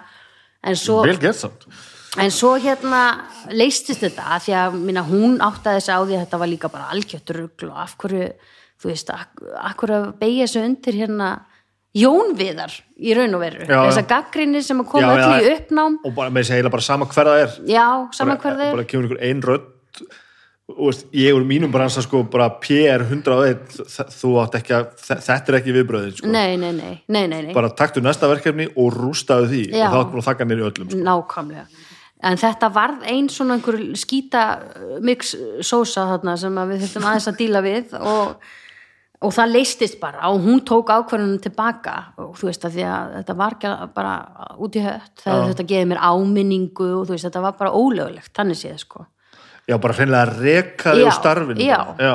láta mig bara fara. Mm Það er ekki hægt. Það er ekki hægt. Þannig að það tókst ekki. Þú þarna í þjóðlíkusráði sem þið dættið í hug þarna úr að hlusta. Jú, það voru þess að hlusta. Já þannig að já, en þetta var svona og þetta hefur þetta áhrif á mann. Maður verður krumpaður og lítill og, og þetta er flókið og svona, og eftir það þá unnu við Óli ekkert saman. og hann var ofslega brendur af þessu, honum fannst þetta alveg hérna, tók á hann þessi dómur líka. Já, þó að hann var í lungu búin að sanna sig og búin að vinna grímuna og ég veit ekki hvað og hvað. En uh, já þannig að við einhvern veginn uh, unnum ekkert saman aftur eftir þetta og ég var oft á bakinn á honum þegar að hann var í einhverjum símtölum að tala við fólk, já, hvað vantar leikonu hann á þessum aldri? Og ég bara svona halló, halló, en það var einhvern veginn var veginn, hann var ekki tilbúinn og ég kannski ekki heldur þangað til núna í Bubba. Takk til núna í bubba? Já, What? það er bara fyrsta sinn sem við vinnum saman aftur. Svona frá upphæðu til enda. Og alveg sama, þú veist Ég, ég kannast við þess að flækju að því nú ég er til þess að vinna bara fyrir auglýsingastofu. Já, og bróður minn er mjög góður í sem hann gerir með sitt, við erum alltaf saman með það úst hljókirkjuna og svo er hann óbúslega góður í að semja tónlist og, og gera skor og svona svona dót. Já, og ég hef fengið hann sko að við stofan, fengið hann til þess að að gera sagt skor undir ykkur leiðis sem eru alltaf verið frábært. En maður finnur þess að spennu sko. Ég er að mæla með litla bróðum mínum já, já. til þess að vinna vinnu uh, og, og maður er svolítið svona að, að leggja það bara undir ok, ef þetta verður ekki frábært, þá er ég bara að fá þetta sko. já, já, já, en ég hef alveg tekið slægin samt. Að því, að því treystur um, ég veit að þetta verður ógislega gott og það kvartar enginn og allt er frábært sko. en þetta er allt annað þegar maður er að vinna sitt eigið. Já. Það ég skil þetta kannski þegar þið eru inn í já, að þú veist, já, og svo bara leikur kona mín hérna hluti. já. Það er auðvitað, auðvitað já, það, en, þeir, en við höfum kannski bara ekkert náð að vinna okkar eigið þannig sé, hann hefur alltaf verið svo mikið inn í leikursunum Já, já, ég sé auðvitað. það alveg það. Við vorum aðeins þarna jú, í Icelandic Saga sanna, uh, sýningunni, þá hoppaði ég inn í hana. Þess að tók var það eina af kastinu þar sem við vorum með nýri hörpu fyrir túristana. Uh, og það var svona já, í fyrsta sinn sem við hvernig, veginn, unnum aftur saman. Og já og svo núna í bubba. Og það bara var frábært. Og styrti okkur enn og aftur sambandið og, og svona kynntust aðeins upp og nýtt í, í, í, þess, í bransanum. Af því að líka þú veist, þú deilir þessu áhugamáli og, og þessari ástriðu með makaðinum en nærðingnaðin ekki að að upplefa hana saman sem að vantaði svolítið fannst mér. Já, og þannig að það búið að vera alveg frábært ferðalag. Tóku þið þess að að lokum þess ákvörðun að, að þið myndu gera þetta saman eða, eða nei. voruð þið einhvern veginn bara í þeim ég, aðstæðan ég þurfti að sneika mér inn. Ég þurfti að vera á bakinu á honum sko, alveg, það var búið að kasta alveg fullt af öðru fólki. Þetta, svo, það gerist svo margt í leikur svona oft þú veist, það er bara allar hrókringar alveg hægri misti, það var, búið, að- það var allt hann að kasta í þessu til að byrja með og allt hann að leikstjóri. Já, já, og svo ákveður Óla leikstýra og þá, vantaði, þá datt þessi leikonu út og þá var verið að leita þessum og öðrum leikonum og, og þá á endanum þá bankaði ég í, borðu og sagði bara, heyrðu, nei, nú er nóg komið. Nú bara, hérna ég ætla að vera með þessu. Og og hann sagði, ok uh, þú eru þá að vera 100% vissum að þú viljir það og hérna og, og bakkir ekki út og sérst bara eitthvað, nei, ég meik ekki að vinna með þér. Og ég segi já, þá bara ég er 100% viss um það. Svo bara var það ákveðið og gekk svona voða vel held ég. Geðveik sýning sko. já, Ég, þú veist Já, ég get verið algjör hundur sko, þegar kemur á alls konar og, og, veist, og mér finnst dýmislegt og ég, ég nenni ég, ég, fór svo mikið í leikhúsastíðanbili og var að vinna svo mikið í sambandi við alls konar og ég er ekki svona alveg nei, sko. nei. Svona viðlóða þetta, mikið músík og svona veist, skrifa og heitt og þetta og svona. Mhm. að ég fekk svo mikið óvidó sko. Já. og það eiginlega, ég er svona agverð komin yfir það núna. Ég get svona hugsað mér aftur að fara svolítið reglulega í leikhús sem ég var alveg hættur að gera. Ég bara en ég hef, núna hef ég þröskuldurinn er bara þannig að mér finnst þetta ekki alveg nógu gott þá, þá hundleiðis mér sko. Já, já, og ég á líka bara svona, svona erfitt með að segja bara, já, þetta er bara rosa ágætt sko. og, veist, og ég fór, fór að segja Elli og Elli var frábær síning sko. uh, en mér fannst nú það bara veist, það gerði ekkert meira fyrir mig sko. nei, nei, nei, þessi bubba síning, hún er bara, bara með því betur sem ég séð sko. já, hún er svo ógeðslega góð. Já, hún er að ná alveg bara til fólks á einhvern undraverðan hátt eða sko, það er einhvern veginn ég hef aldrei upplifað svona sterk viðbrögð. Nei. ég söngleik sko. Þetta, er þetta, þetta, nei, er þetta þetta söng? er, nei, nei, þetta er, er svo sem ekki söngleikur. Þetta er, þú veist þetta er eh, leikrit með söngvum sem kannski partur af galdrinum að þetta er svolítið sitt eigið sko. já, já, þetta er bara sjó þetta er bara sjó held ég, já. Ógeðslega mikið upplýsingum á ótrúlega stuttum tíma. Já, já, já. Og og, flæðir svolítið, flæðir eðlilega óbóðslegt hjarta í öllum og bara, þú veist. Já, þannig að það er rosa gaman að vera í, í fyrir sýningu. Og fengum að keira hana þessi haust, það var æðislegt sko. Já, og nú bara allt í frosti, aftur. Þetta er gaman ha, þetta er gaman. Þetta er gaman. Leðilegt sko. Þetta er algjörlega að fara át sko. Ég er alveg búin að fá nóg. Og heldur þetta breytingur þá til, veist, til framtíða hvernig þú hugsar rulluna þínar og samstaf með fólki ja? mm, var þetta eitthvað svona barriðar sem þú veist að brjóta? Mm, nei, já, kannski ég meina, jú, kannski kannski var þetta kannski, jú, þetta var gott fyrir mig að því leiti að ég bara fekk að sína alls konar og maður er ekki glemdur kannski. Já, ég veit það ekki. Þetta er bara ég veit ekki alveg hvernig ég á að svara þessu. Jú, þetta var bara þetta var bara gott, gott hluturk á réttum tíma, segjum það svo. Já, þetta var bara algjörlega rétt fyrir mig núna á þessum tímabúndi í ferðlunum að fara inn í þessa sýningu og, og, og nú er ég bara komin aðeins inn í húsið þú veist, fæ að vera þarna í, upp í Borgá eitthvað. Og, og það er bara frábært. Og það er það sem ég vil núna. Ég vil bara fá, vera í svolítið kyrslu og fá hlutverk og hérna, að því ég er ekki orðin sött.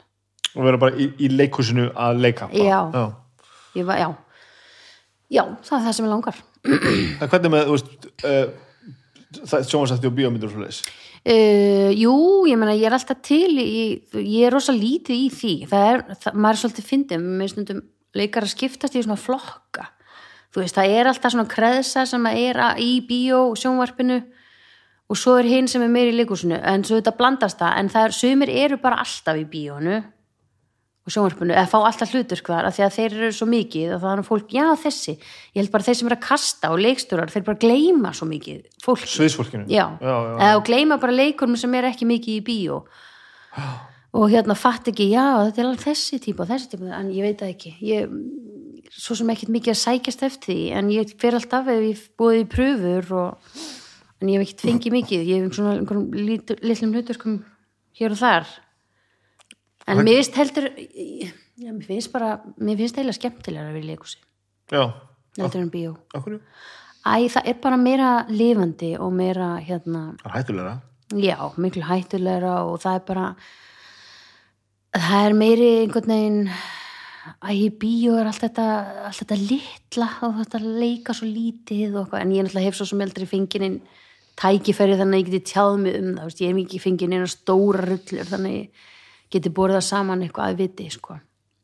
Það er bara Þetta meina að þú vilt bara snúa um í sal og tala hátt? Þetta meina það? Já, nei, bara, þú veist, það er bara eitthvað svo skemmtilegt, það er bara ferli líka og hópur, maður kynnist, þú veist, maður eignast lilla fjölskyldu á meðan æfingum stendur, í bíónu ertu bara komin og, Já, og já, hérna, og hitti bara einhvern í fimm minútur og þú veist, eðust í litlum röllum, veist, það er voða leiðilegt, kemur inn og það er svona, þú deila bara á kantinum og maður er svolítið svona feimin og svolítið svona út kú, kemur og gerir sitt jobb og svo ertu bara farin. Mhm.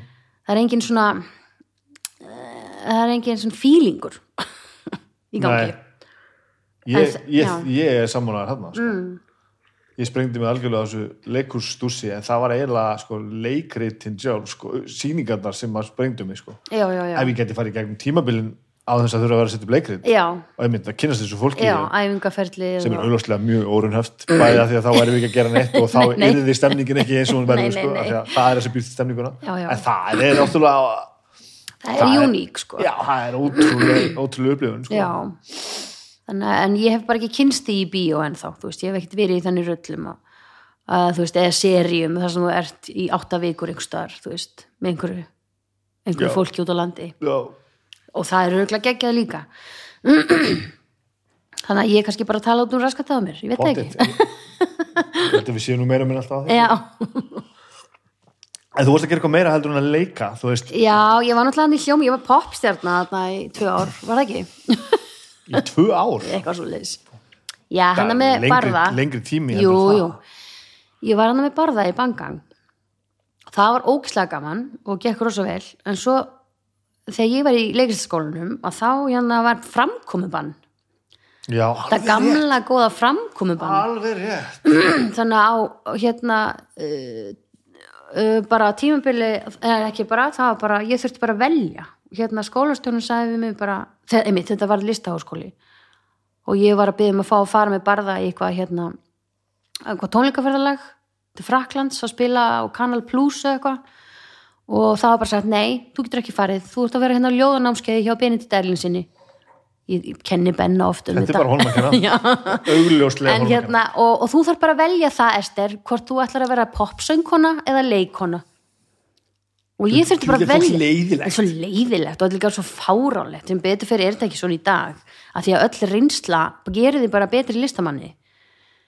Og Hvað hefur þetta komið maður? Ég, ég skil, sko, þetta kemur þetta er eitthvað gamalt, eldgamalt held ég, frá því að þau voru svo fá og það var svo lítið annað að gerast, bíó eða sjónvarp, að það myndaði svo mikla svona einhverja samkeppni og öfund og leiðindi ef einhver eitt fekk að fá að gera eitthvað.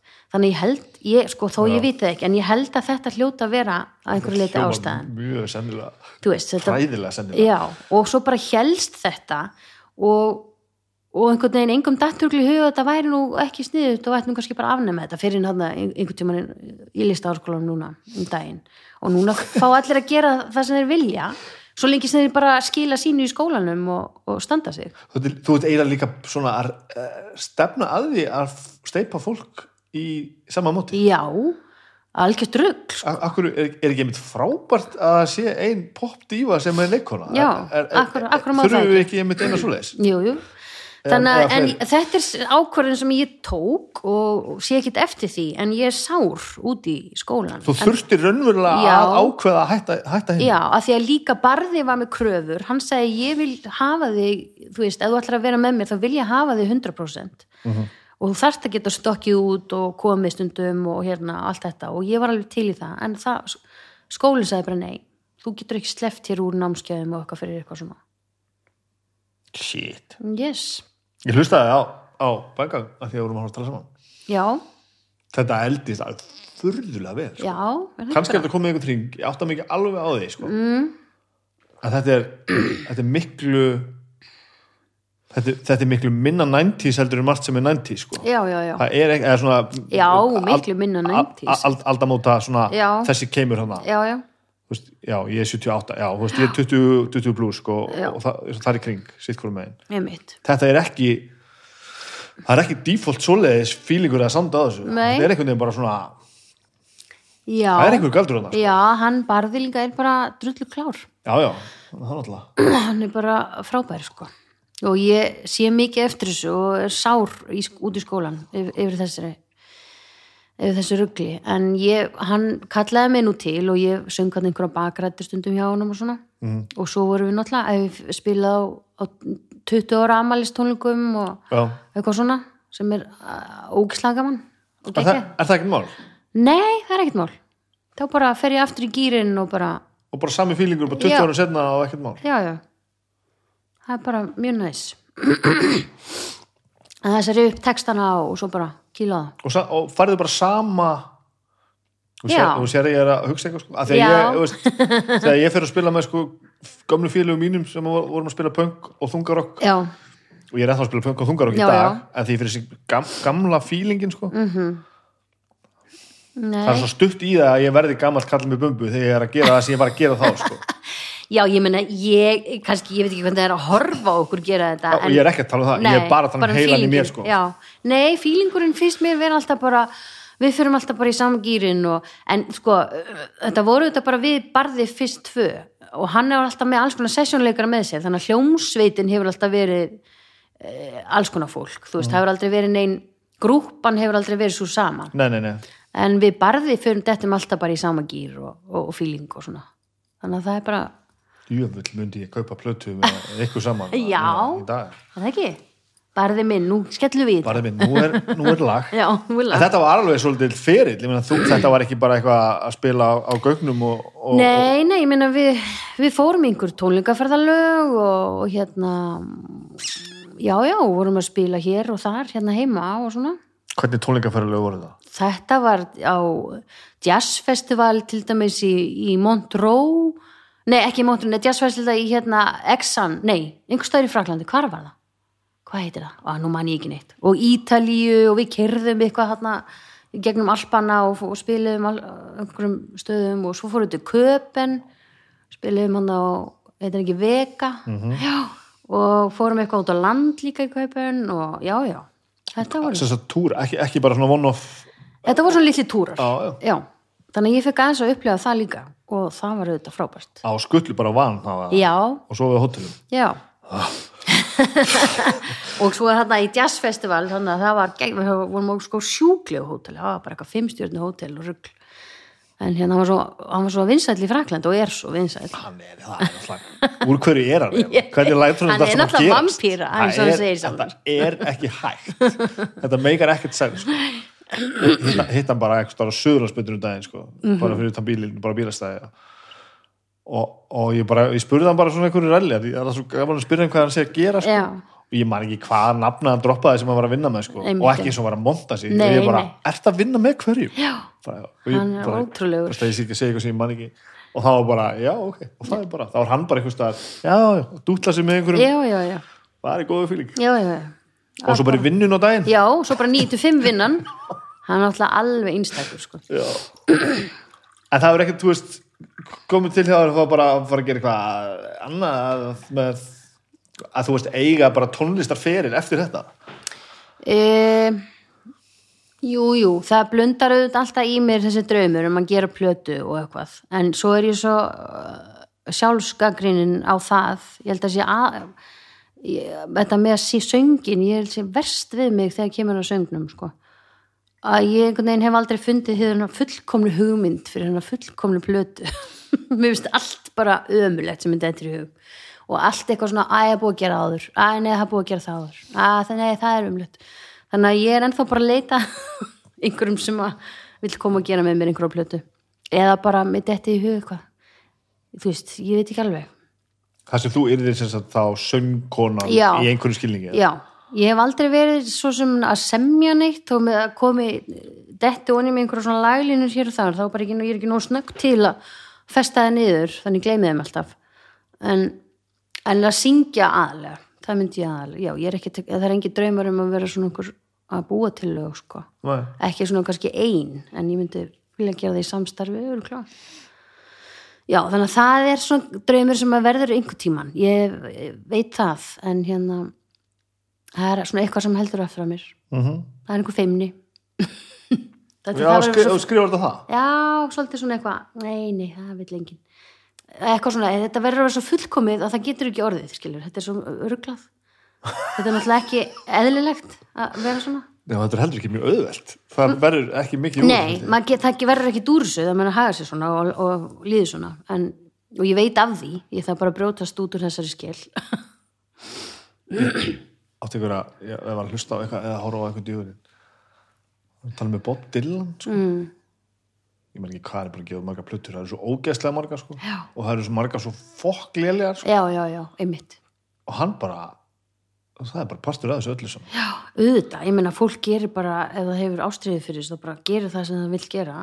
Og þarna kemur heldur góða stöfið. Já. vegna þess að þú stoppar ekki vondastöfið. Já, já, já, ég er svo sem ekki alveg samanlega að þú veist, með vera svona fylltistlaus að gefa út einhver, einhver sex meistarverki röð eða hvað það var og, og drulla svo bara einhverju draslinir á plötu og, og selja það bara, Já, veist, já, ég, já, það er já. ekkert nei, en ég hugsa þetta stundu þegar ég bara að því, að ég held að við fáum öll þessa tilfinningu. Þegar ég sitt hérna með ramskítarinn eitthvað bara þetta þungarúsrif sem ég er að Já. semja Já. núna innan gæsalappa, ég var ekki að semja þetta. Nei, og það er ekkert í þessu og þetta er ekkert spennandi. Það svona ég bara, heyrti ok. það margóft en bara hvað er við að gera, á, á ég bara að leggja gítarinn aftur frá mér og hætta bara að hugsa um þetta? Nákvæmlega. ég frekar til að renna bara rassin aðeins sko. Já, algjörlega. En svona, e, ef, ef ég ætti að syngja, að gera eitthvað svona þá er það eitthvað svona pop slash jazz eitthvað svona, ég minnst gaman að syngja svoleiðis. Já, svoleiðis, svoleiðis músík. Það var fyndið því að hlusta bangang það er svona, það er svona jazzy swag mm. sem að notar sem að ég myndi ekkert eftir sko. Já, hann mér fannst þetta eins og þetta hefði verið, verið miklu meira straightforward Já. pop performance en því sem maður sér það eftir á að það er meira svona soul feelingur í, í, í söngnum heldur mér myndi sko. Já, það er svona þetta, þessi- slæt svona upp og niður það og allt er þetta. swag Já. Já, já, en það ég bara hef hlusta rosa mikið á jazz, það er svolítið svona mín go to músík, ef mér langar að hlusta á eitthvað. Ok, bara allt þetta gamla Ella og allt þetta.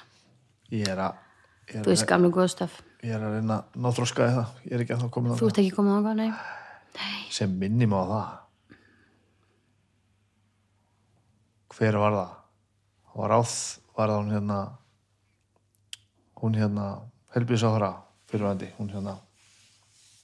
Sem var, hæ- nei, Hilbjörn, já, Sandís já, Svandís, já, hún er mitt ég bara, þú veit að minna á þetta. Hún var inn í vittali og hún sendi mig bara hún, hún setti saman bara lista einhverjum plötum bara svona essential jazz plötum ok. sem hún bara pantaði held ég bara annarkvæmt, hvernig var þetta, einu lagi eða smátt og smátt bara af Amazon. Já, og eitt af því sem að segja alltaf fólk bara, ó, senda mér um lista? Og svo gerist ekki neitt. Og bara, bara um kvöldið og sendum mér listan sko. ég er náttúrulega sjálfsögur var bara mynda núna sko. já, ok. Sagði, farið bara, pantaði þessar plötur og hlusta á þessar plötspilaðinum, þá skilur þetta. Já, ok, ok, og voru það svona jazz já, einhver, það var allt þetta bara svona, sumt þekkti og sumt bara vissi ég ekkert hvað var sko. ok, ok, vá. Spennandi. Aðeins er að byrsta hann lista líka. Að Já. því, sko. en þú veist, hva, hvaðan kemur það hjá þér, þessi, jazz? Uh, Ná, ætla sér ekki bara eitthvað frá mömmu. Hún var svolítið að hlusta á þetta og, og hérna, og bara það er bara eitthvað við allar þessar laglínur. Ég er mjög hrifin af góðum laglínum. Já, og það, þú veist, því ég segi jazz þá er ég ekki að tala um svona, hérna, fusion nei. það finnst mér leðilegt en hérna, en allir þessi svona gömlu slagarar og þá er þetta ekki, ekki endilega jazz, ég meina bara góðar laglínur, góð lög sem hægt er að gera, leika sér með eitthvað, mér finnst að það er eitthvað sem að uh, einhvern veginn hitti mig í hérstastað mm. já, og svo þetta til fyllt af góðum lögum þó þessi ekki jazz það er bara laglínur, það er eitthvað svona ég er bara held ég sé bara ekki bara að fatta alveg hvað jazz er sko. Nei, kannski bara er það líka er ekki margir nefnd sem hugst, þegar hugsa um jazz þá hugsa þeir um einhvern brjálaðan saxofón og, og eitthvað svo frýsjum, frýsjum, frýsjum, trómur eitthvað, svona, svona hljóðfærakeppni. Já. Þú veist, það eru þetta ákveðin tegundu jazz en það, það er ekki það sem að held ég þegar fólk segir jazz, það er ekki að meina það. Nei, ég held að ég mitt vandamál sé að ég sé sko ég, ég held að ég sé að setja skörp skil á milli jazz, já, nú er þetta orðið jazz nú er þetta jazz. Já, já, já, sést þess að skilgræna bara, já, mikið þetta er pop hérna en þetta er jazz. Já, sem eiginlega svolítið kemur inn að hún segja á hann sko, að ég var hlust á bangang og bara, ok, það er bara fullt af svona soul, já, já, jazzy stöfi inn í þessu já, já, já, ég skil þig. Hvaða leið fór þetta hana, svona bara í, hjá okkur Óla og með það allt saman eftir, þú veist, kemur eitt bad og Já. byrja að vinna? Já, svo bara vinnum við og vinnum og já, svo bara hvað er að börnum áttur? Við höfum tvö börn, 15 og 10 Já, og já, við ger, vorum svolítið að ja, keftum íbúðir, eða íbúð og gerðum upp, fórum svolítið í það, okkur finnst það gaman, svo gerðum við keftum við húsið sem við erum komin í núna, gamla hús Óla, sem sagt tengda fóröldra minna. ó, ok.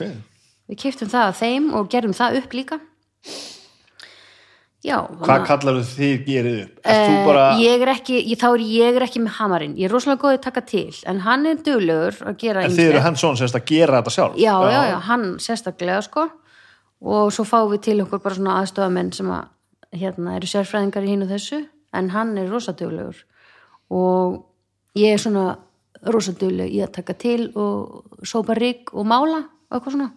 Ó, ég vildi hefði þetta í mér sko það er bara að horfa húst hérna kringum sig hérna svona e- e- eitt og annað sem var í gaman að gera hérna, sko. Já, Við já, erum já. bara ekki, eh, lögðum ekki í við erum bara ekki byrjuð á sko Nei, nei, og það er náttúrulega ofslega erfitt að byrja á því þegar við erum búin að flytja inn ekki segja þetta fyrir gefðu, en það er það uh, já það er það sko. Já, já, við mitt hugsuðum þetta og Mhm. bara við horfum bara á þetta og bara nei, við getum ekki meira núna bara með lítil börn og bara fuck it sko. nei, nei þá bara, þá er það bara allt til já, að já, við gerum þetta þá bara einhvern veginn Já, já. bara þannig. Algjörlega. En það, þið sem sagt stopni þá bara fjölskyldu og flyti inn saman þá bara með fyrsta barnið og svo Já. bara hefur þetta bara svona einhvern veginn silt, silt þáleið bara áfram. Já, svo bara sigli það þá leið áfram. Og við vonum ekkit, ég var, þú veist, mitt, hún er fimm ára þegar við eignumst barnum með tvö og það er nú svona skrifa stoltið á bara mig held ég, ég var svo mikið að að reyna að böglast í bransanum og, og þú veist, ég vildi ekki dett út og,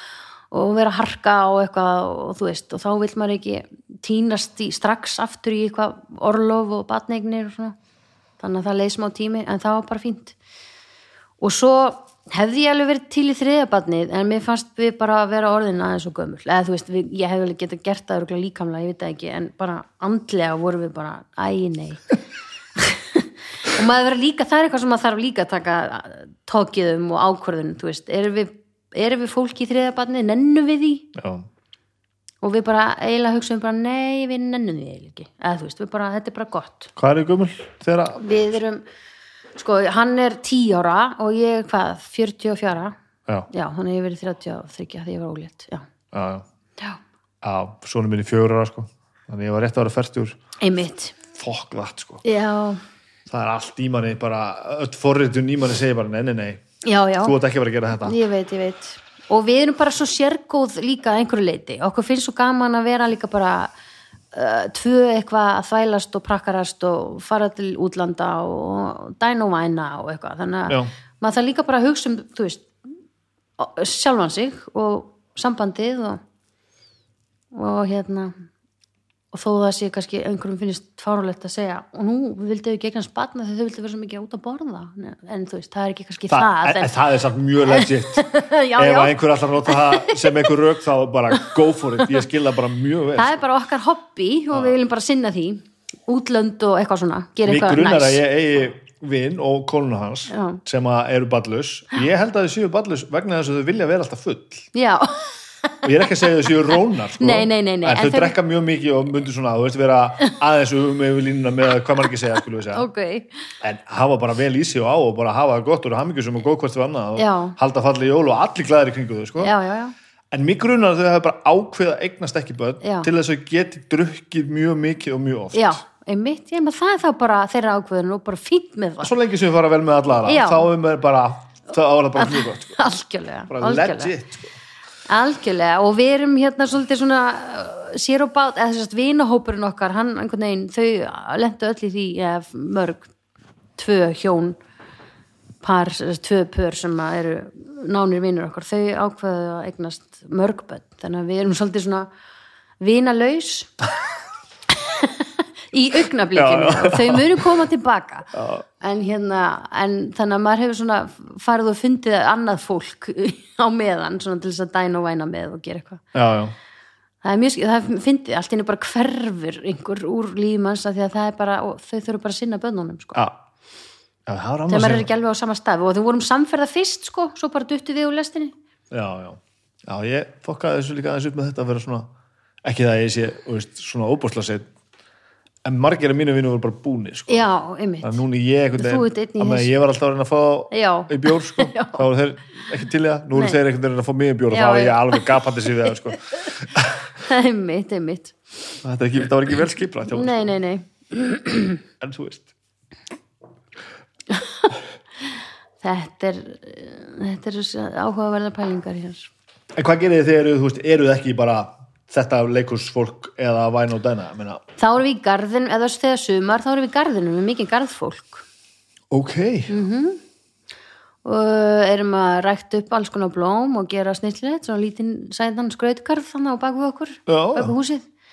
E, og svo bara einmitt útlönd, við hefum farið rosa mikið til útlanda á sömurinn fyrir COVID og svona og þá fórum við alveg bara í fjóra til sex vikur alltaf á sömurinn að við hefum bæði mamma býr í Köpen og bróður hans Óla býr í Stokkólmi þannig að við hefum stundum farið svona heimsækja þau og svo þaðan einhvert í heitari lönd Og þið fjögur þá saman? Eða? já, og við fjögur saman og það hefur verið algjör, algjörlega frábær tími fyrir fjölskylduna að vera svona lengi saman og við hefum náða að hérna, koma upp ykkur svona eh, samskiptum og rútínu og svona almennri svona samvistar gleði í kringum þessi frí sko. Gott orð.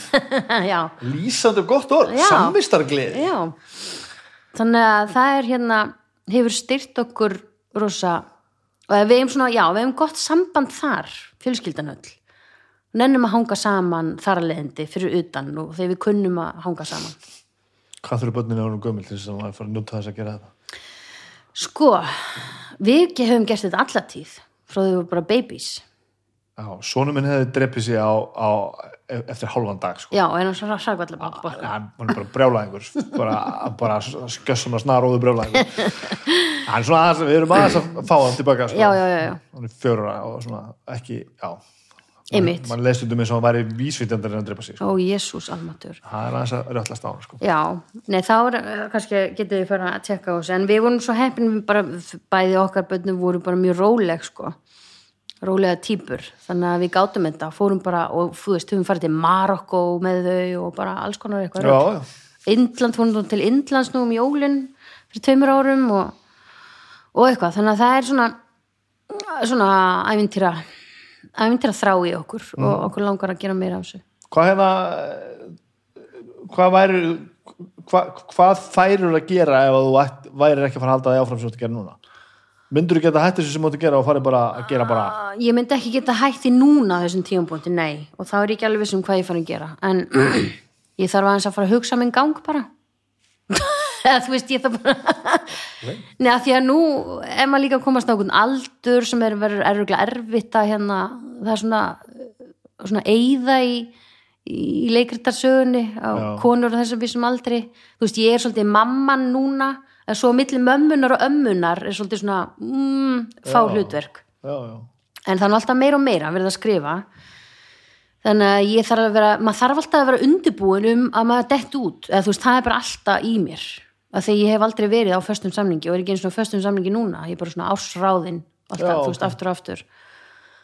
En endur speglast þetta í ráningu eins og hjá stórleikursunum já, er, er, eru færri konur á þessum aldri allir það mm, ég hef ekki ég, ég hef ekki skoðað það en stundum hefur það verið þannig örugla og það er, ef, og hvort sem það er kannski jafnmarga konur á samningi þá eru það ekki að vinna kannski Já, já, jafn mikið á kallarnir einmitt, af því að leikritin sem verið að setja upp er bara kalli ekki á það. En þetta er alveg að breytast og, og sérstaklega hjá íslensku höfundunum. Þeir eru rosa döglegir að skrifa hérna hvern hlutverk hvað er það sem gerist eða? Akkur er þetta svona?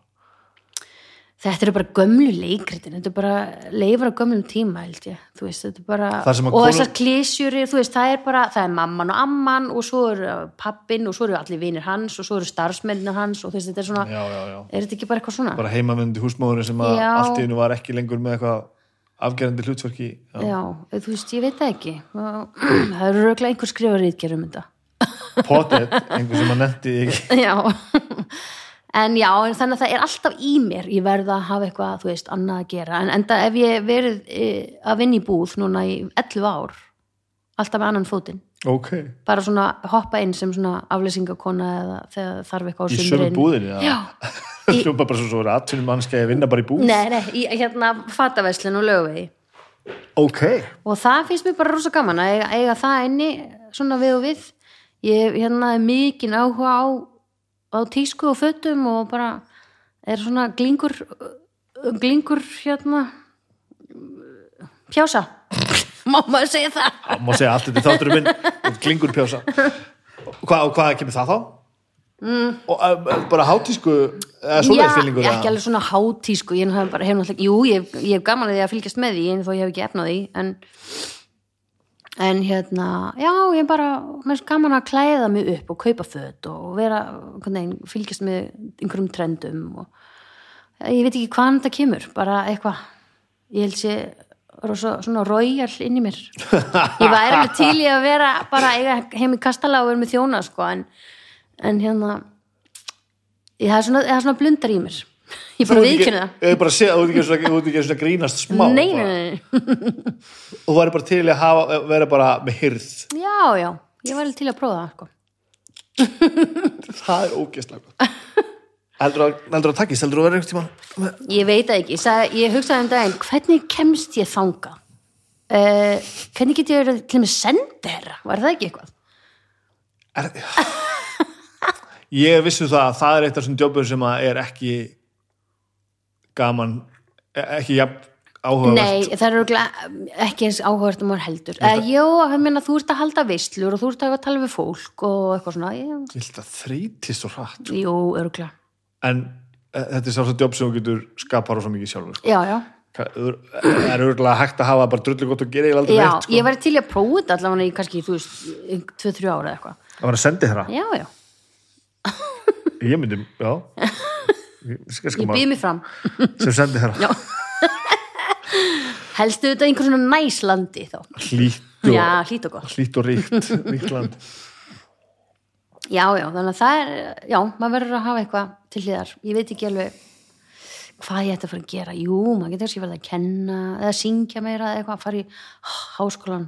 Ég reyndi nú að fara í háskólan þegar ég var atvinnulegs einhvern skráði mig í siðfræði og, og hvað var það? Eitthvað? Jú, siðfræði. Svo bara kom símtar frá þjóðleikusinu, svo er þetta svo típist. já, já. Og ég bara, ó já, auðvitað kem ég og leik hjá okkur Mhm. og bara bless háskólinn. en er þetta, ertu að með þetta hann undir einhvers þar að þú veist, þú farað þá bara að læra eitthvað hreinlega? Já, það, það er held ég bara svona eitthvað svona það sem þú átt að gera Já. en ég hugsi, mér, lang, mér langar ekkit mikið til þess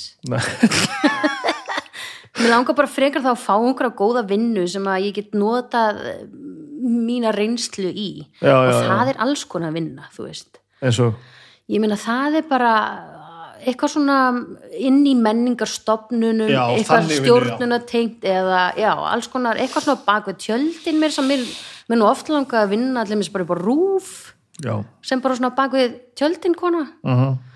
eða í sjónvars útsendingum eða eitthvað svona já. Þú veist, þannig að það er Svona sem, sem þá eitthvað svona framkvæmda aðeins á einhverju sem tengist list já, eða svoleiðis. eitthvað svo leiðis eða svona skipulags eitthvað, ég er rosa góð í skipulagja Það er fyndið. já. Ég er mikið, ég elska svona að skrifa lista og haka í lista og gera svona. Yfir hvað? Lista ég okkar? bara það sem þarf að gera, til dæmis jólin það er alveg svona fjóri listar í gangi. Hvaða listar? bara hvað hva, fyrir hvern þú ert að kaupa gjafir, hvað þarf að gera á heimilinu áður uh, hvernig þarf ég að gera þetta? Eitthvað, bara svona alls konar. Og fyrir sumafrín listar yfir hvað þarf að hafa með hverju má ég ekki gleyma að pakka. Allt þetta. Þetta er auðvitað svolítið annal sko. Þú ert alveg öfu megin við mig sko. Mm -hmm. Ég hef reynd þetta já, af því ég missi úrslega margt út úr höndrum á mér. En ég er samt þetta fór eiginlega að ganga aðeins betur þegar ég áttaði mig samt á því að ég væri ekki þessi típa já, einmitt. Og það má ekki forsa þetta, það má ekki sko hérna, þú átt ekki að gera þetta ef þú hefur þetta ekki í þér, ég er á því sko. Já, þá gengur það ekki, minna það er annarkvort hefur bara þessa skiplu og skáðið ekki held ég, já, ég held þú getur ekki þjálfað þetta nema upp að einhverju ákveðnum já. sko.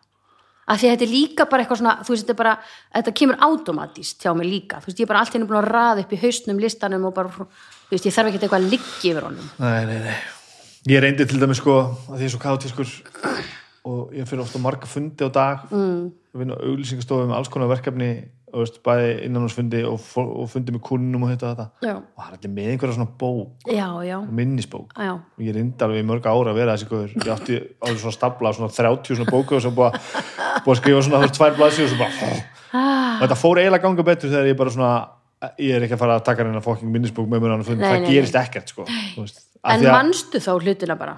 Ég man á betur eftir ég hætti þessu. Já, ok, af því að ég, ég setti eitthvað svona falskt öryggi á það að ég var að skrifa eitthvað hjá mér sko, og svo skoðaði ég að hafði skrifað hjá mér og bara, hvað, hvað er þetta? akkurat. Ég, ég setti enga, enga ástríðu, ástríðu eða skipulega eitt á, á, á þennan nei, nei, nei, á þessar glósur mína, þetta er bara, bara að kæfta það sko. þannig að ég er búin að læra held ég líka bara að vinsa úr bara, ég þarf að muna þetta og ég get sleppti að muna Já, þetta já, já. sko. Og, en nei, ég veit að manni ekkert allt á allt alls Nei, ekki nei, nei. og þetta er ekki, þetta er ekki einn kostur sko. þetta, er ekki, þetta er ekki betra nei, nei, en einmitt þú, ég held þú er ekki að hérna, að þjöstna þessu fram sko nei, en hérna, en þetta er tengist eitthvað svona já, einmitt, ég held bara að fólk hafi þetta í sér eða ekki sko, mis, mis mikið og eitthvað, allt þetta svona eins og að vera að vinna í búð og pikka á kassan og svona. Það er eitthvað svona sem ég finnst ekki að gaman. Þú veist, ég vinn í búðinni og það er húslega næs. Og það er leiðilegast að fara á eitthvað á og lagar og ná í föt og eitthvað. En þegar þú ert komin að afgjörslikassanum þá er gaman. Samskipti við fólki Já. eða bara að bara tala við fólkið og láta þetta inn í kassan Láta og þetta ge- skanna og bíbirýp og svo kemur prent út og eitthvað svona. Það er, það er eitthvað svona ég er pínu með þess að þarna sko. ég skil þetta vel já, sko. Er ægi eitthvað svona einhverju röð græja svona að gera eitthvað tikka hér já, og skrifa þetta inn og, já, ég, ég er með þarna sko. en um leið og ég á að fara að passa alla nótundar sér í röð eða eitthvað, þá er Já. ég alveg fókt Já, sko. það er, ég, en svona græsi sko, pikki, ég tengi alveg það, sko. svona eitthvað að tjekka sig inn og svona, allir ég reyna mjög fáum konum sem finnst gaman á flugvöllum eða fáum manneskjum ég mista bara svo, alveg, alveg frekar gaman sko. það er nú samt nú stór aðgerð að vera á já, þú nú að Það skilgjörna þetta aðeins betur Já, sko, mi- sumir, að maður svo margir segja, ó, ég hata að ferðast út að, öllu þessu flugvöllastúsi og vera að hanga á flugvöllum og eitthvað. Mér finnst að ég er, er ekki þar.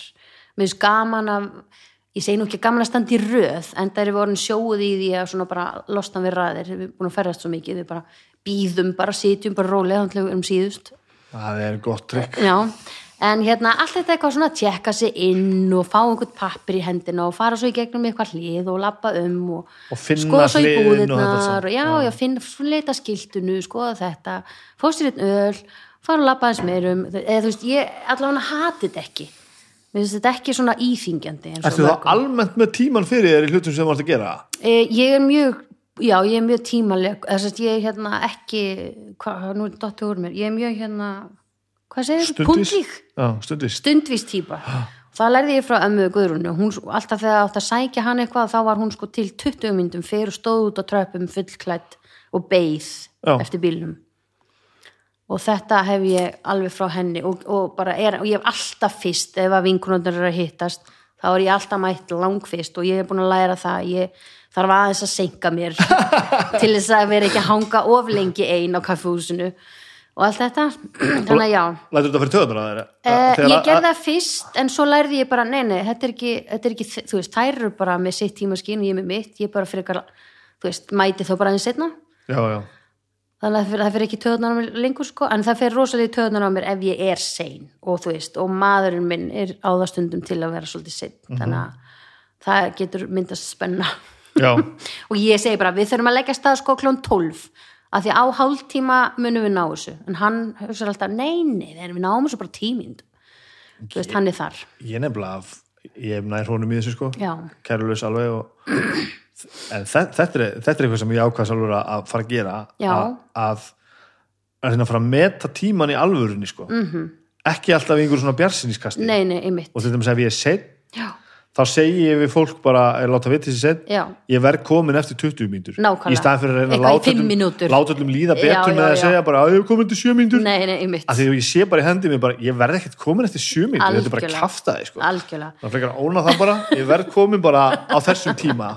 En þetta er nefnilega, þetta er það sem maður á að gera. Maður á að reikna tíman alveg eins og hann er. Ekki eitthvað svona, Akkur gerir, erum við að láta það öllum bara líða betur? ég held að þetta sé bara geðveik meðvirkni á, með sjálfum sér og öðrum þetta er bara eitthvað svona eitt af þessum byrtingaformum með, með þessa með, meðvirkni og ég segi, einmitt, þegar maður er seitt þá segir maður bara, ok, þá ringi maður bara og segir maður er seitt, ekki eitthvað bara ekki ringja eða Já, og láta fólk býða já. og, En það, það- það sem gerist með þessu þegar ég fór að gera þetta, Mm. ég fór líka að vera stundvísari. Mm. -hmm. Það fylgdi einhvern veginn með að ég, einmitt, að því að ég sá alltaf hvað, já hvað ég var alltaf í raun og veru ofseitt nefn ég gammal tíman, að þá fór ég einhvern veginn svona automatist að vinna gegn því. Sko. þá reikna maður maður líka með, með þá hugsa maður, ok, ég þarf að vera komin gljóðan 12 upp í hafnaferð Já, þá ég veit núna að það tekur mig alveg 20 mínútur að keira Mhm. og ef ég þarf að taka bann með mér þá þarf ég að græða það og það er 20 mínútur aukalega þannig að ég þarf að græða mig klukkan 11 og þá lærði ég líka að stór partur að, að mér líður ekki vel í lífinu er að ég er að tensa því að hún. Já, já, að þetta er alveg bara þetta er stressfaktor frá fucking þetta helvíti er sko. ömul, það er og ég get orðið alveg sko rosa tjúnu og stressu og reið ef að ég er of sein með Óla í bíl. Og ég þarf að læra að hérna höndla það betur. Af því að þá fer ég bara skamma og skamma og skamma sko af því að ef það er ekki mér að kenna skilur Já, þá já, get ég skamma já, getur þessu okkur annar já, já, en hérna þannig að, já, þetta er mjög stressandi Já. en maður vill ekki vera of sein en ég fatt að ekki fyrir en ég fór að- að að svona eitthvað að skoða þetta og vinna eitthvað í þessu, þá fann ég hvað það letti mikið á mér að vera ekki í á spanninu, sko. já, já, já, það er snild. Já, og skrítið það því það er mjög ólíkt mér, sko. já, Nú er ég bara, þú ert ekki stórt þroskastir skref þarna, finnst mér. Já, það, ha- takk hérna. En svo eru aðra típur, sko. Það eru típunir sem að þetta e, tímyndum of snemma í viðtal.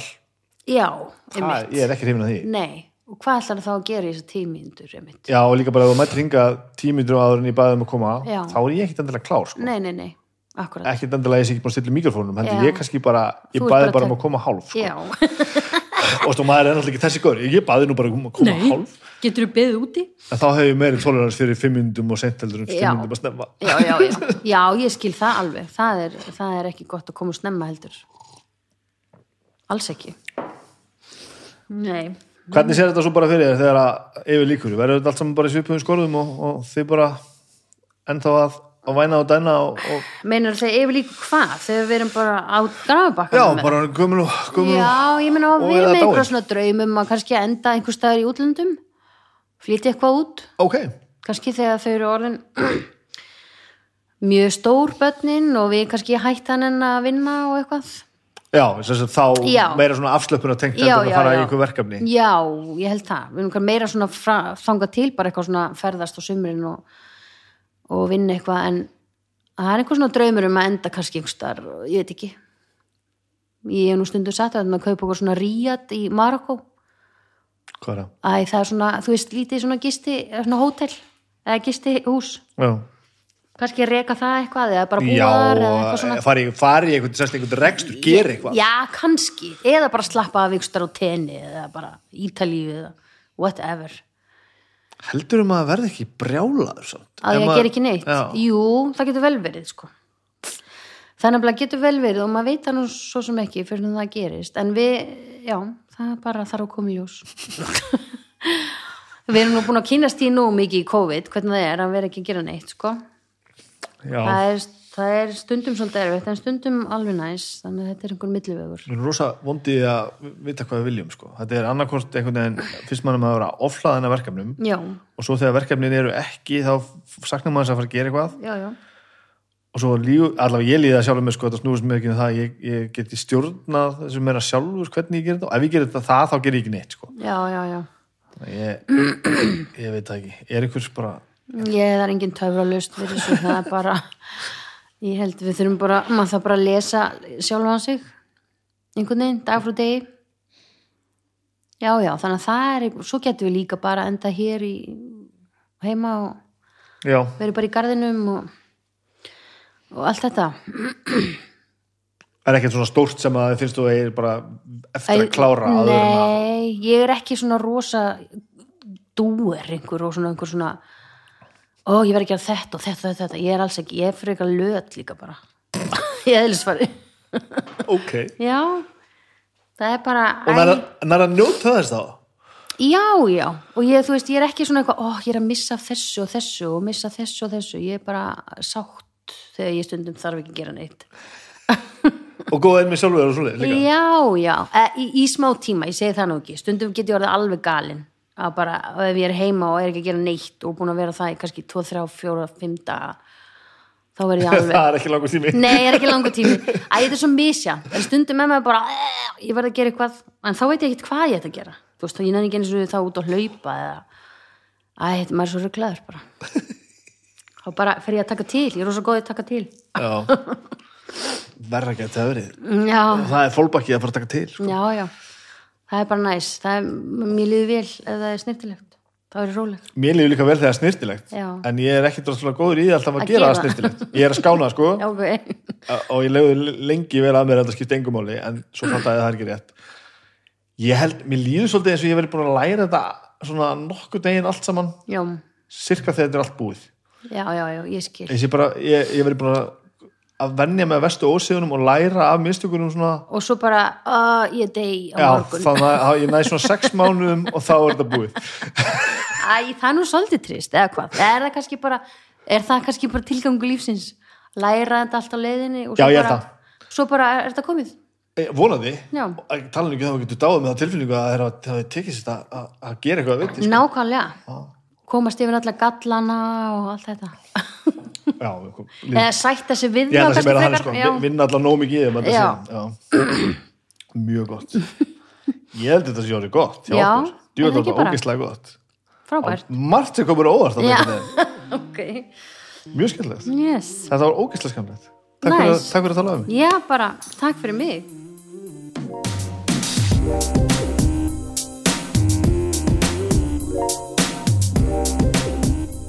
Þannig það, þá er þetta orðið gott í dag. Þetta var náttúrulega gaman. Óskaplega gaman.